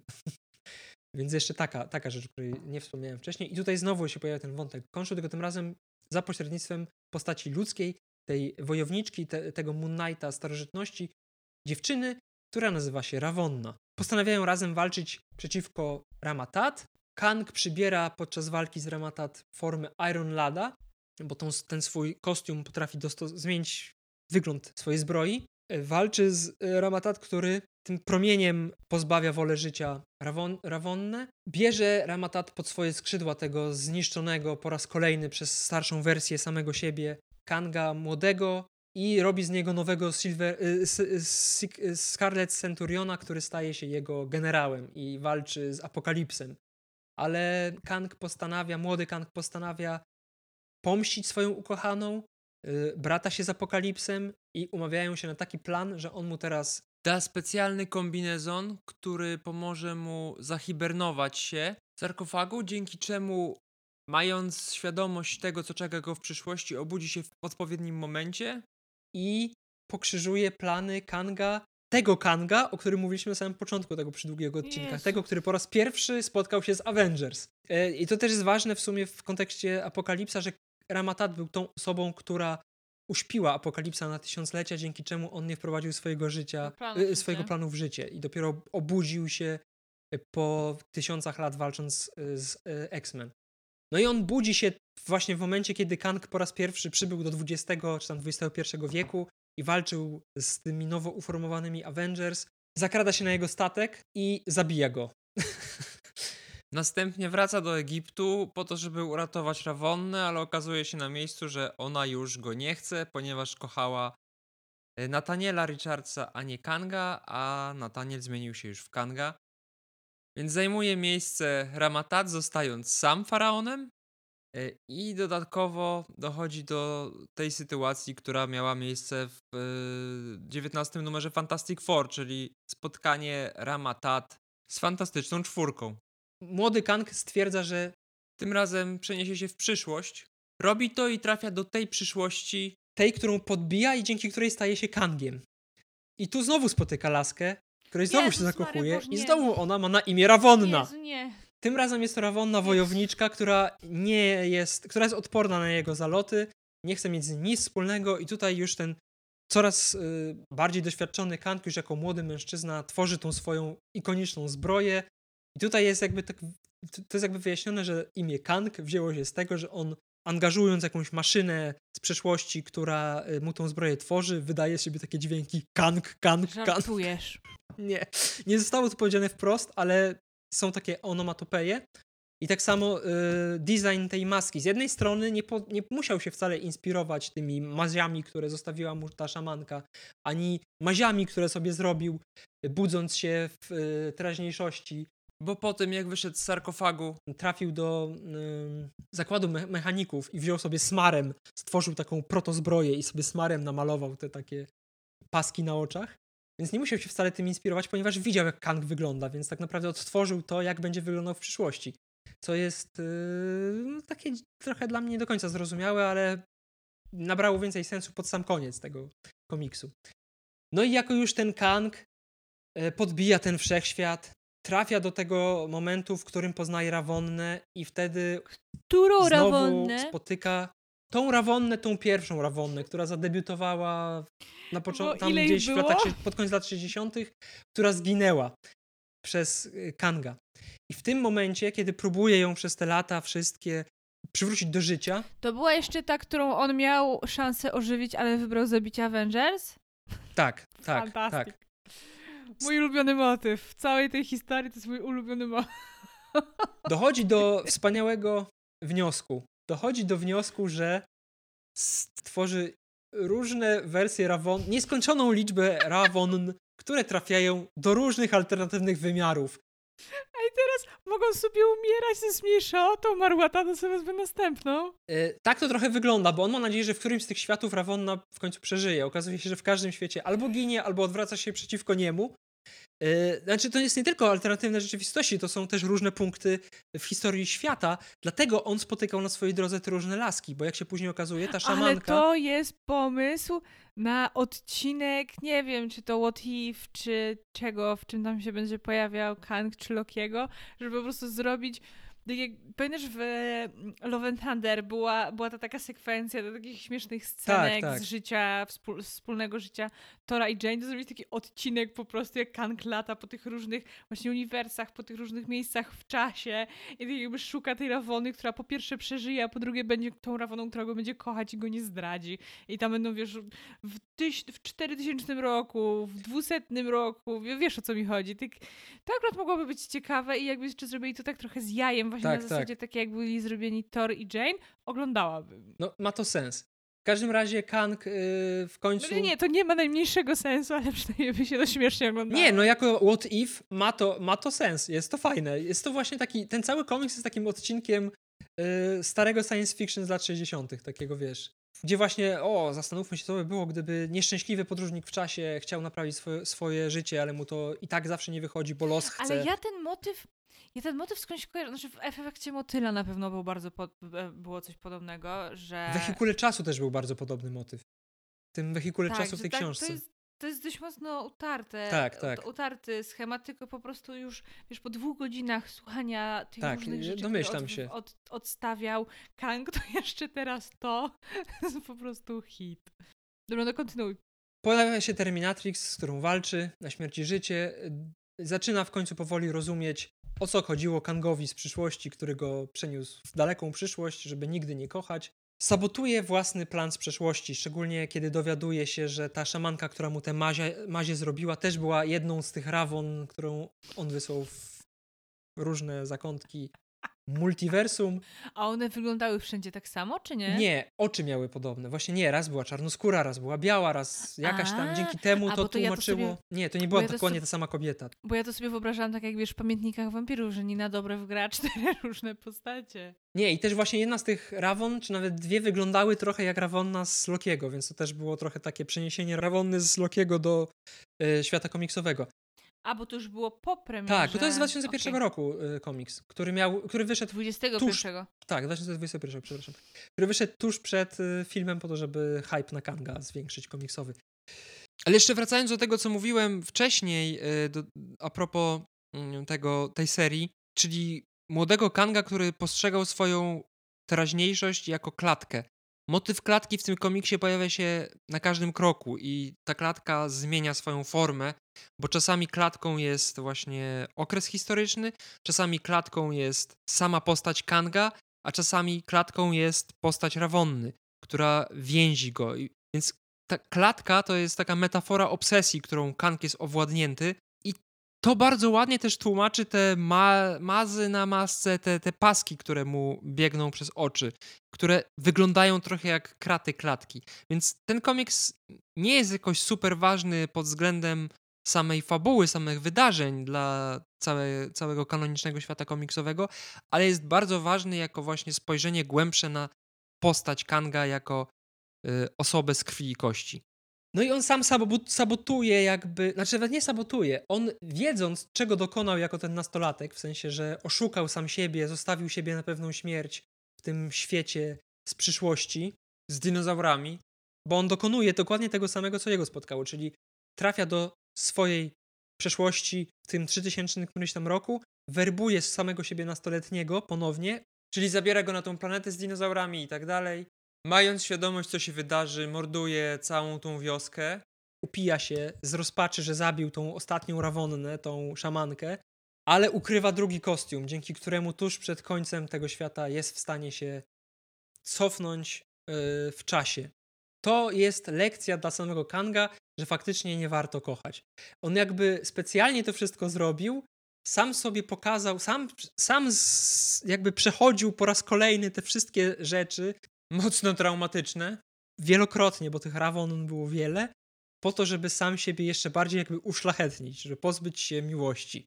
Więc to jest taka bardzo zawiła, taki bardzo zawiły plan Kanga w stosunku do samego siebie, co idealnie podsumowuje moim zdaniem tą postać, która jest kurwa postacią, której się bałem przez lata, że trzeba będzie ją mówić i nie wiem, czy udało mi się to zrobić w zrozumiały sposób, mam nadzieję, że tak. Ja przyznaję, kilka razy się ciut pogubiłam, ale chyba by, było lepiej niż się obawiałam, że będzie z twoich zapowiedzi. No, są rzeczy, których ja sam do końca nie rozumiem, sam do końca nie pamiętam przez to, że są te wiesz co? powtarzalne elementy. E, tak, właśnie o, ty, o tym miałam powiedzieć, że to nawet nie chodzi o to, że to było jakieś bardzo skomplikowane i że są te skoki w czasie i tak dalej, tylko że te motywy się zaczynają w pewnym momencie tak po, powtarzać. Stąd na przykład było to moje pytanie, którą to Rawonnę on mógł wtedy sobie ożywić, a wybrał to nie ten plot twist, że a wiecie co, Avengersi jednak wolę was za...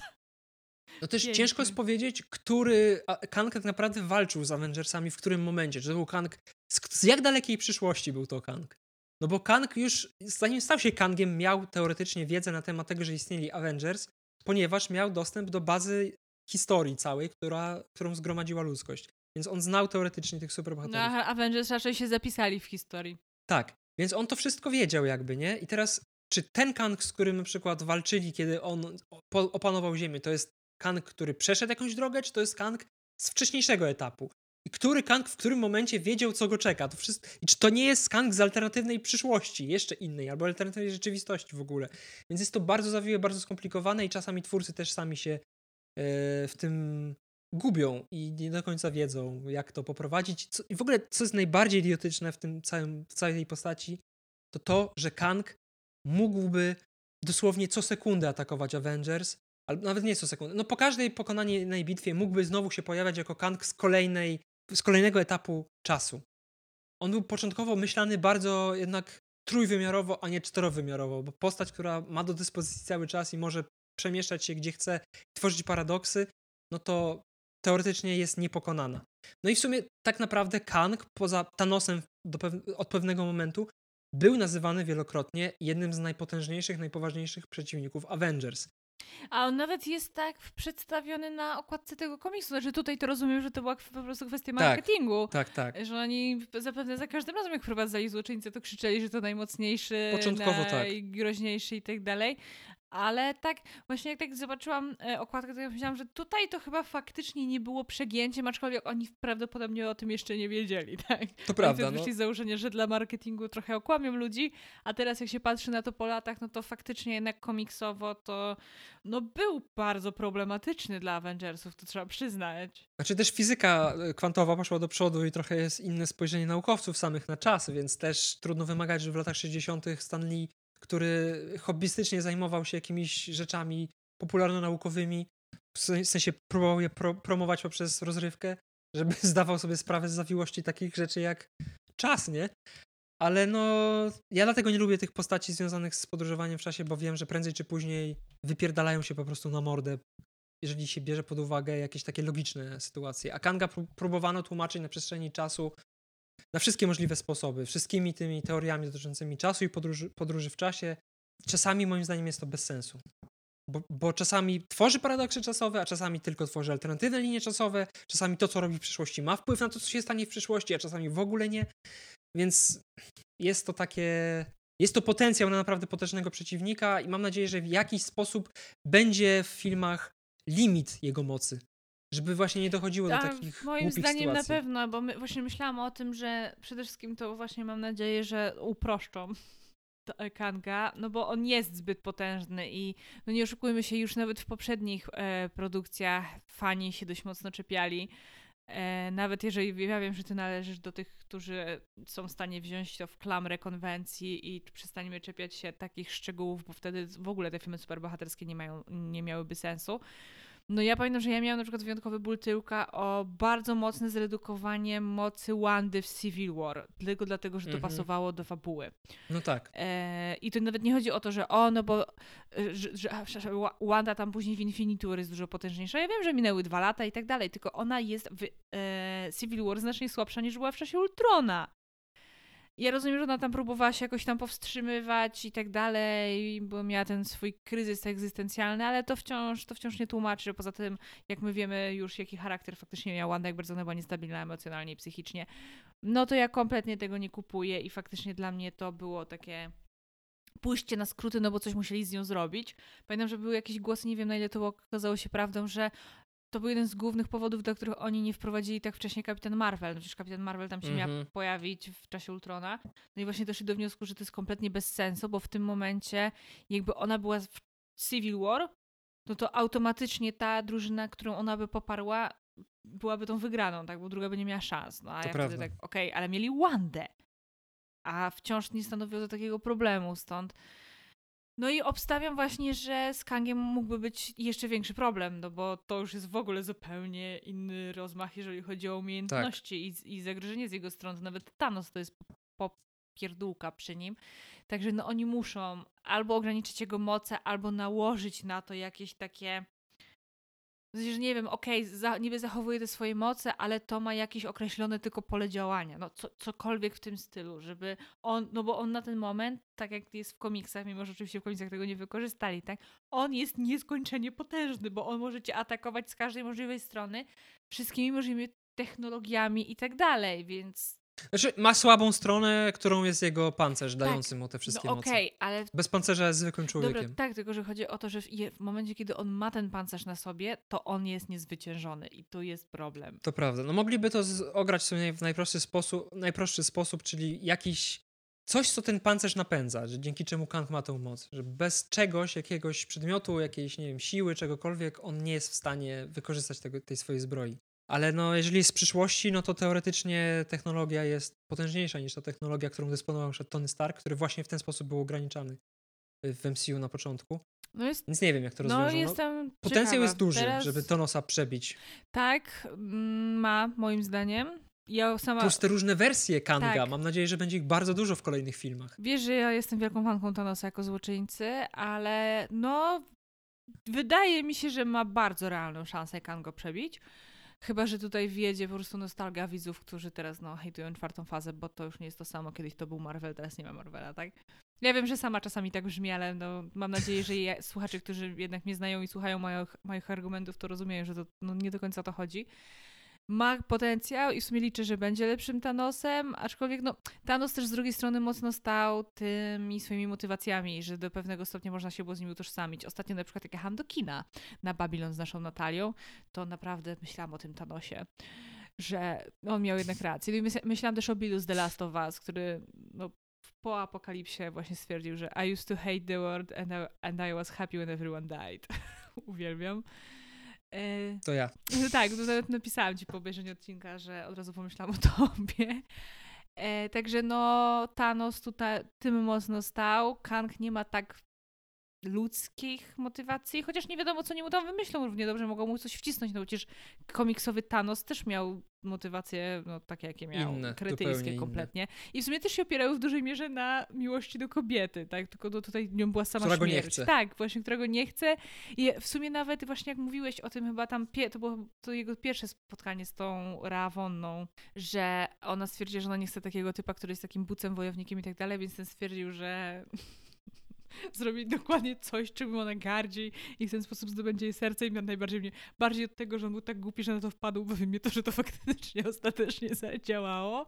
Ale to w sobie wiele filmów Nie no, zadziałało to, że on właśnie ją uratował i że walczył z tymi ale to wciąż walczył, tak, walczył. Tu wciąż No jest tak, ten... tak. No ale z dobrych No, pobudek, a nie wciąż- tylko po to, żeby Wciąż podbić świat. robienie Nie no jasne, Wiadomo wiem, o co wiem, chodzi, co tak? chodzi. no. Ale no, na tym mniej więcej się opierają filmy dla nastolatek o Bad Boy o Złotym Sercu, no nie oszukujmy się.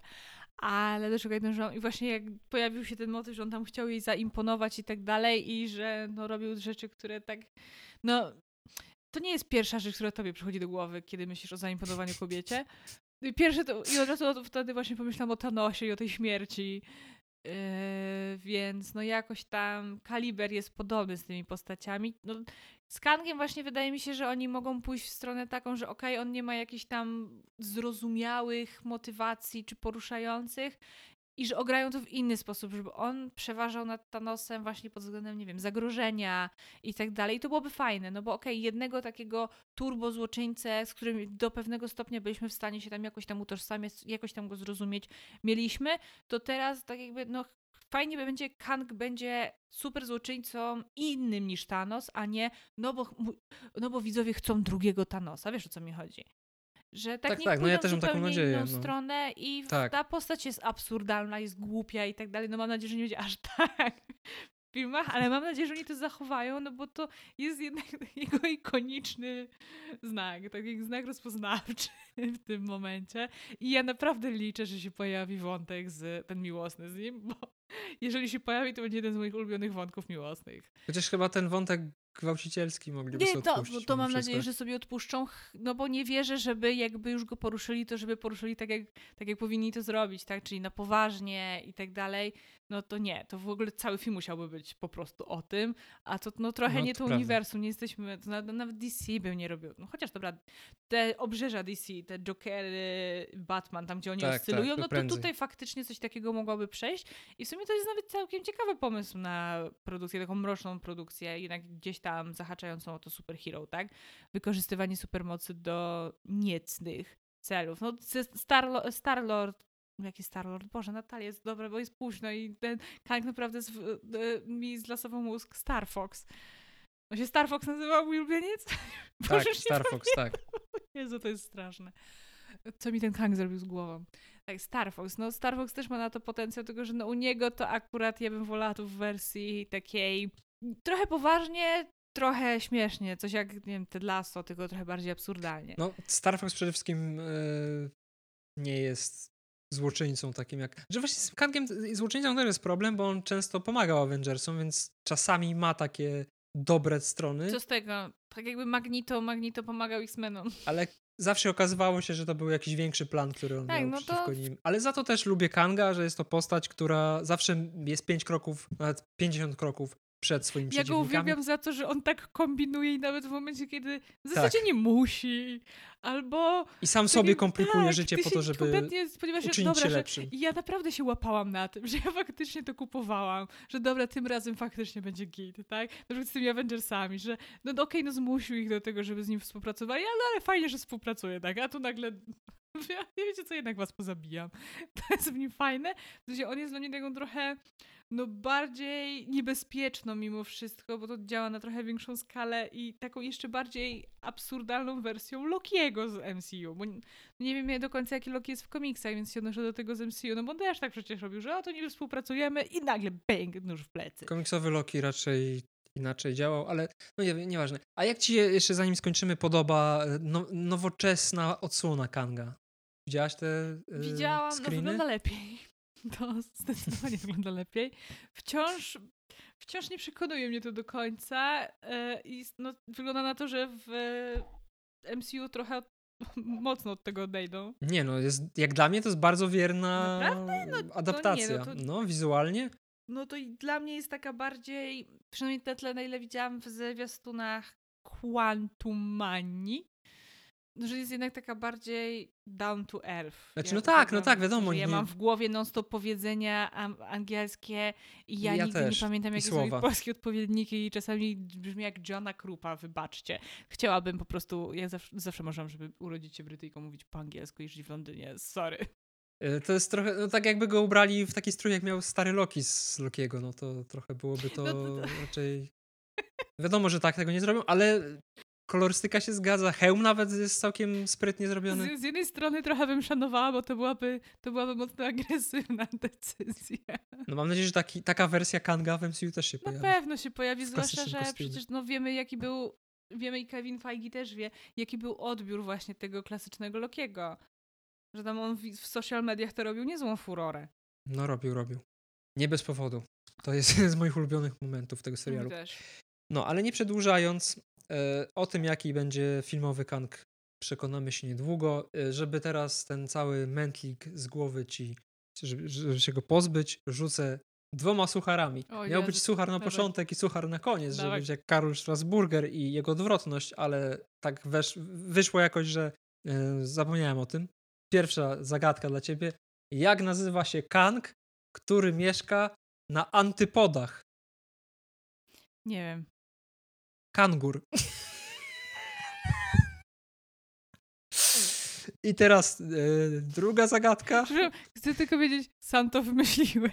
Tak. Jestem myśl, dumna. Myślałem, myślałem o tym e, na spacerze z psami. Ale tak druga zagadka. Samo, to ci samo tak przyszło do głowy, czy siedziałeś i kminiłeś, Nie, jaki żart wymyślić? Pierwotny pomysł był, tak, był taki, żeby zrobić ci inne zagadki i wziąć alternatywne wersje Kanga z jakiejś takiej absurdalnej i przetestować twoje przeczucie, czy to jest Kang z komiksów, czy go wymyśliłem.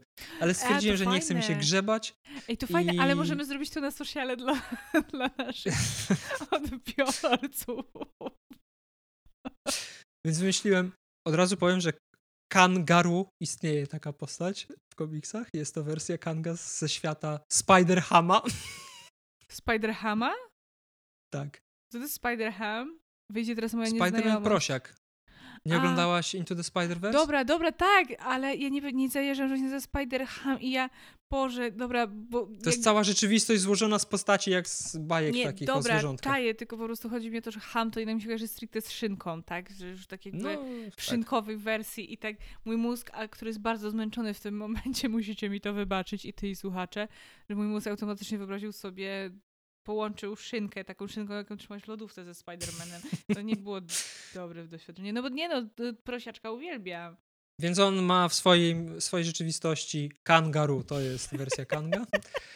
E, I teraz druga, e, to już sam wymyśliłem chyba, nie wiem, tak mi się wydaje przynajmniej. Druga zagadka.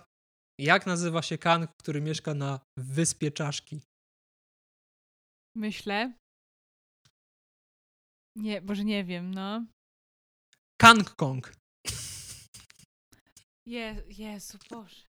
Ja kombinowałam coś już z czaszką, z wyspą. Zapomniałam przecież, że mój ulubiony kaiju mieszka na Wyspie Czaszki. No, Loki grał przecież w Kong Wyspa Czaszki. Mhm. Wszystko się łączy, wszystko się wiąże. Nie, wszyscy wiemy, że to nie Loki, tylko Tom Hiddleston, aczkolwiek ja czasami się zastanawiam, Nie, to jest wariant Lokiego. tak, na ile Tom Hiddleston gra Lokiego, a na ile po prostu Loki udaje przed nami. Ech, nie, y, tak, to będzie długi odcinek. My w przeciwieństwie do Kanga nie No, mamy tyle czasu, On żeby... trwa ponad już chyba dwie godziny, nie? Tak. Więc to jeden z dłuższych w naszej karierze. Bałem się tego, myślałem, że będzie krótszy, nie udało się niestety. I tak trochę ściąłem informacje na temat Kanga, ale y, mam nadzieję, że najważniejsze przekazałem w jak się tylko da najbardziej jasny sposób. Znaczy, odcinek jest długi, ale no muszę przyznać, że ta historia jest na tyle absurdalna i ma tyle plot twistów. Tyle pomysłów że Kang na siebie to ma nie w ogóle. stanowi, to nie stanowi problemu, nie naprawdę. Nie, nie przepadam za nim jako za po prostu człowiekiem, jeżeli, że, że tak to ujmę, ale no jako postać jest... No jest to kawał postaci. No, więc y, ja niestety nie dysponuję jego technologią, nie jestem w stanie cofnąć się w przeszłość po to, żeby mieć więcej czasu na montaż, więc już nie chcę dokładać sobie pracy. Dlatego żegnamy się z wami. Do usłyszenia w kolejnym odcinku. Chyba w przyszłym tygodniu. Według naszych Chyba tak, jeśli, jeśli nam się uda. Więc nie będziecie musieli czekać, ani stosować wehikułów czasu. Żegnamy się. Pa, pa. Pozdro 616. Dokładnie. Pozdro 616.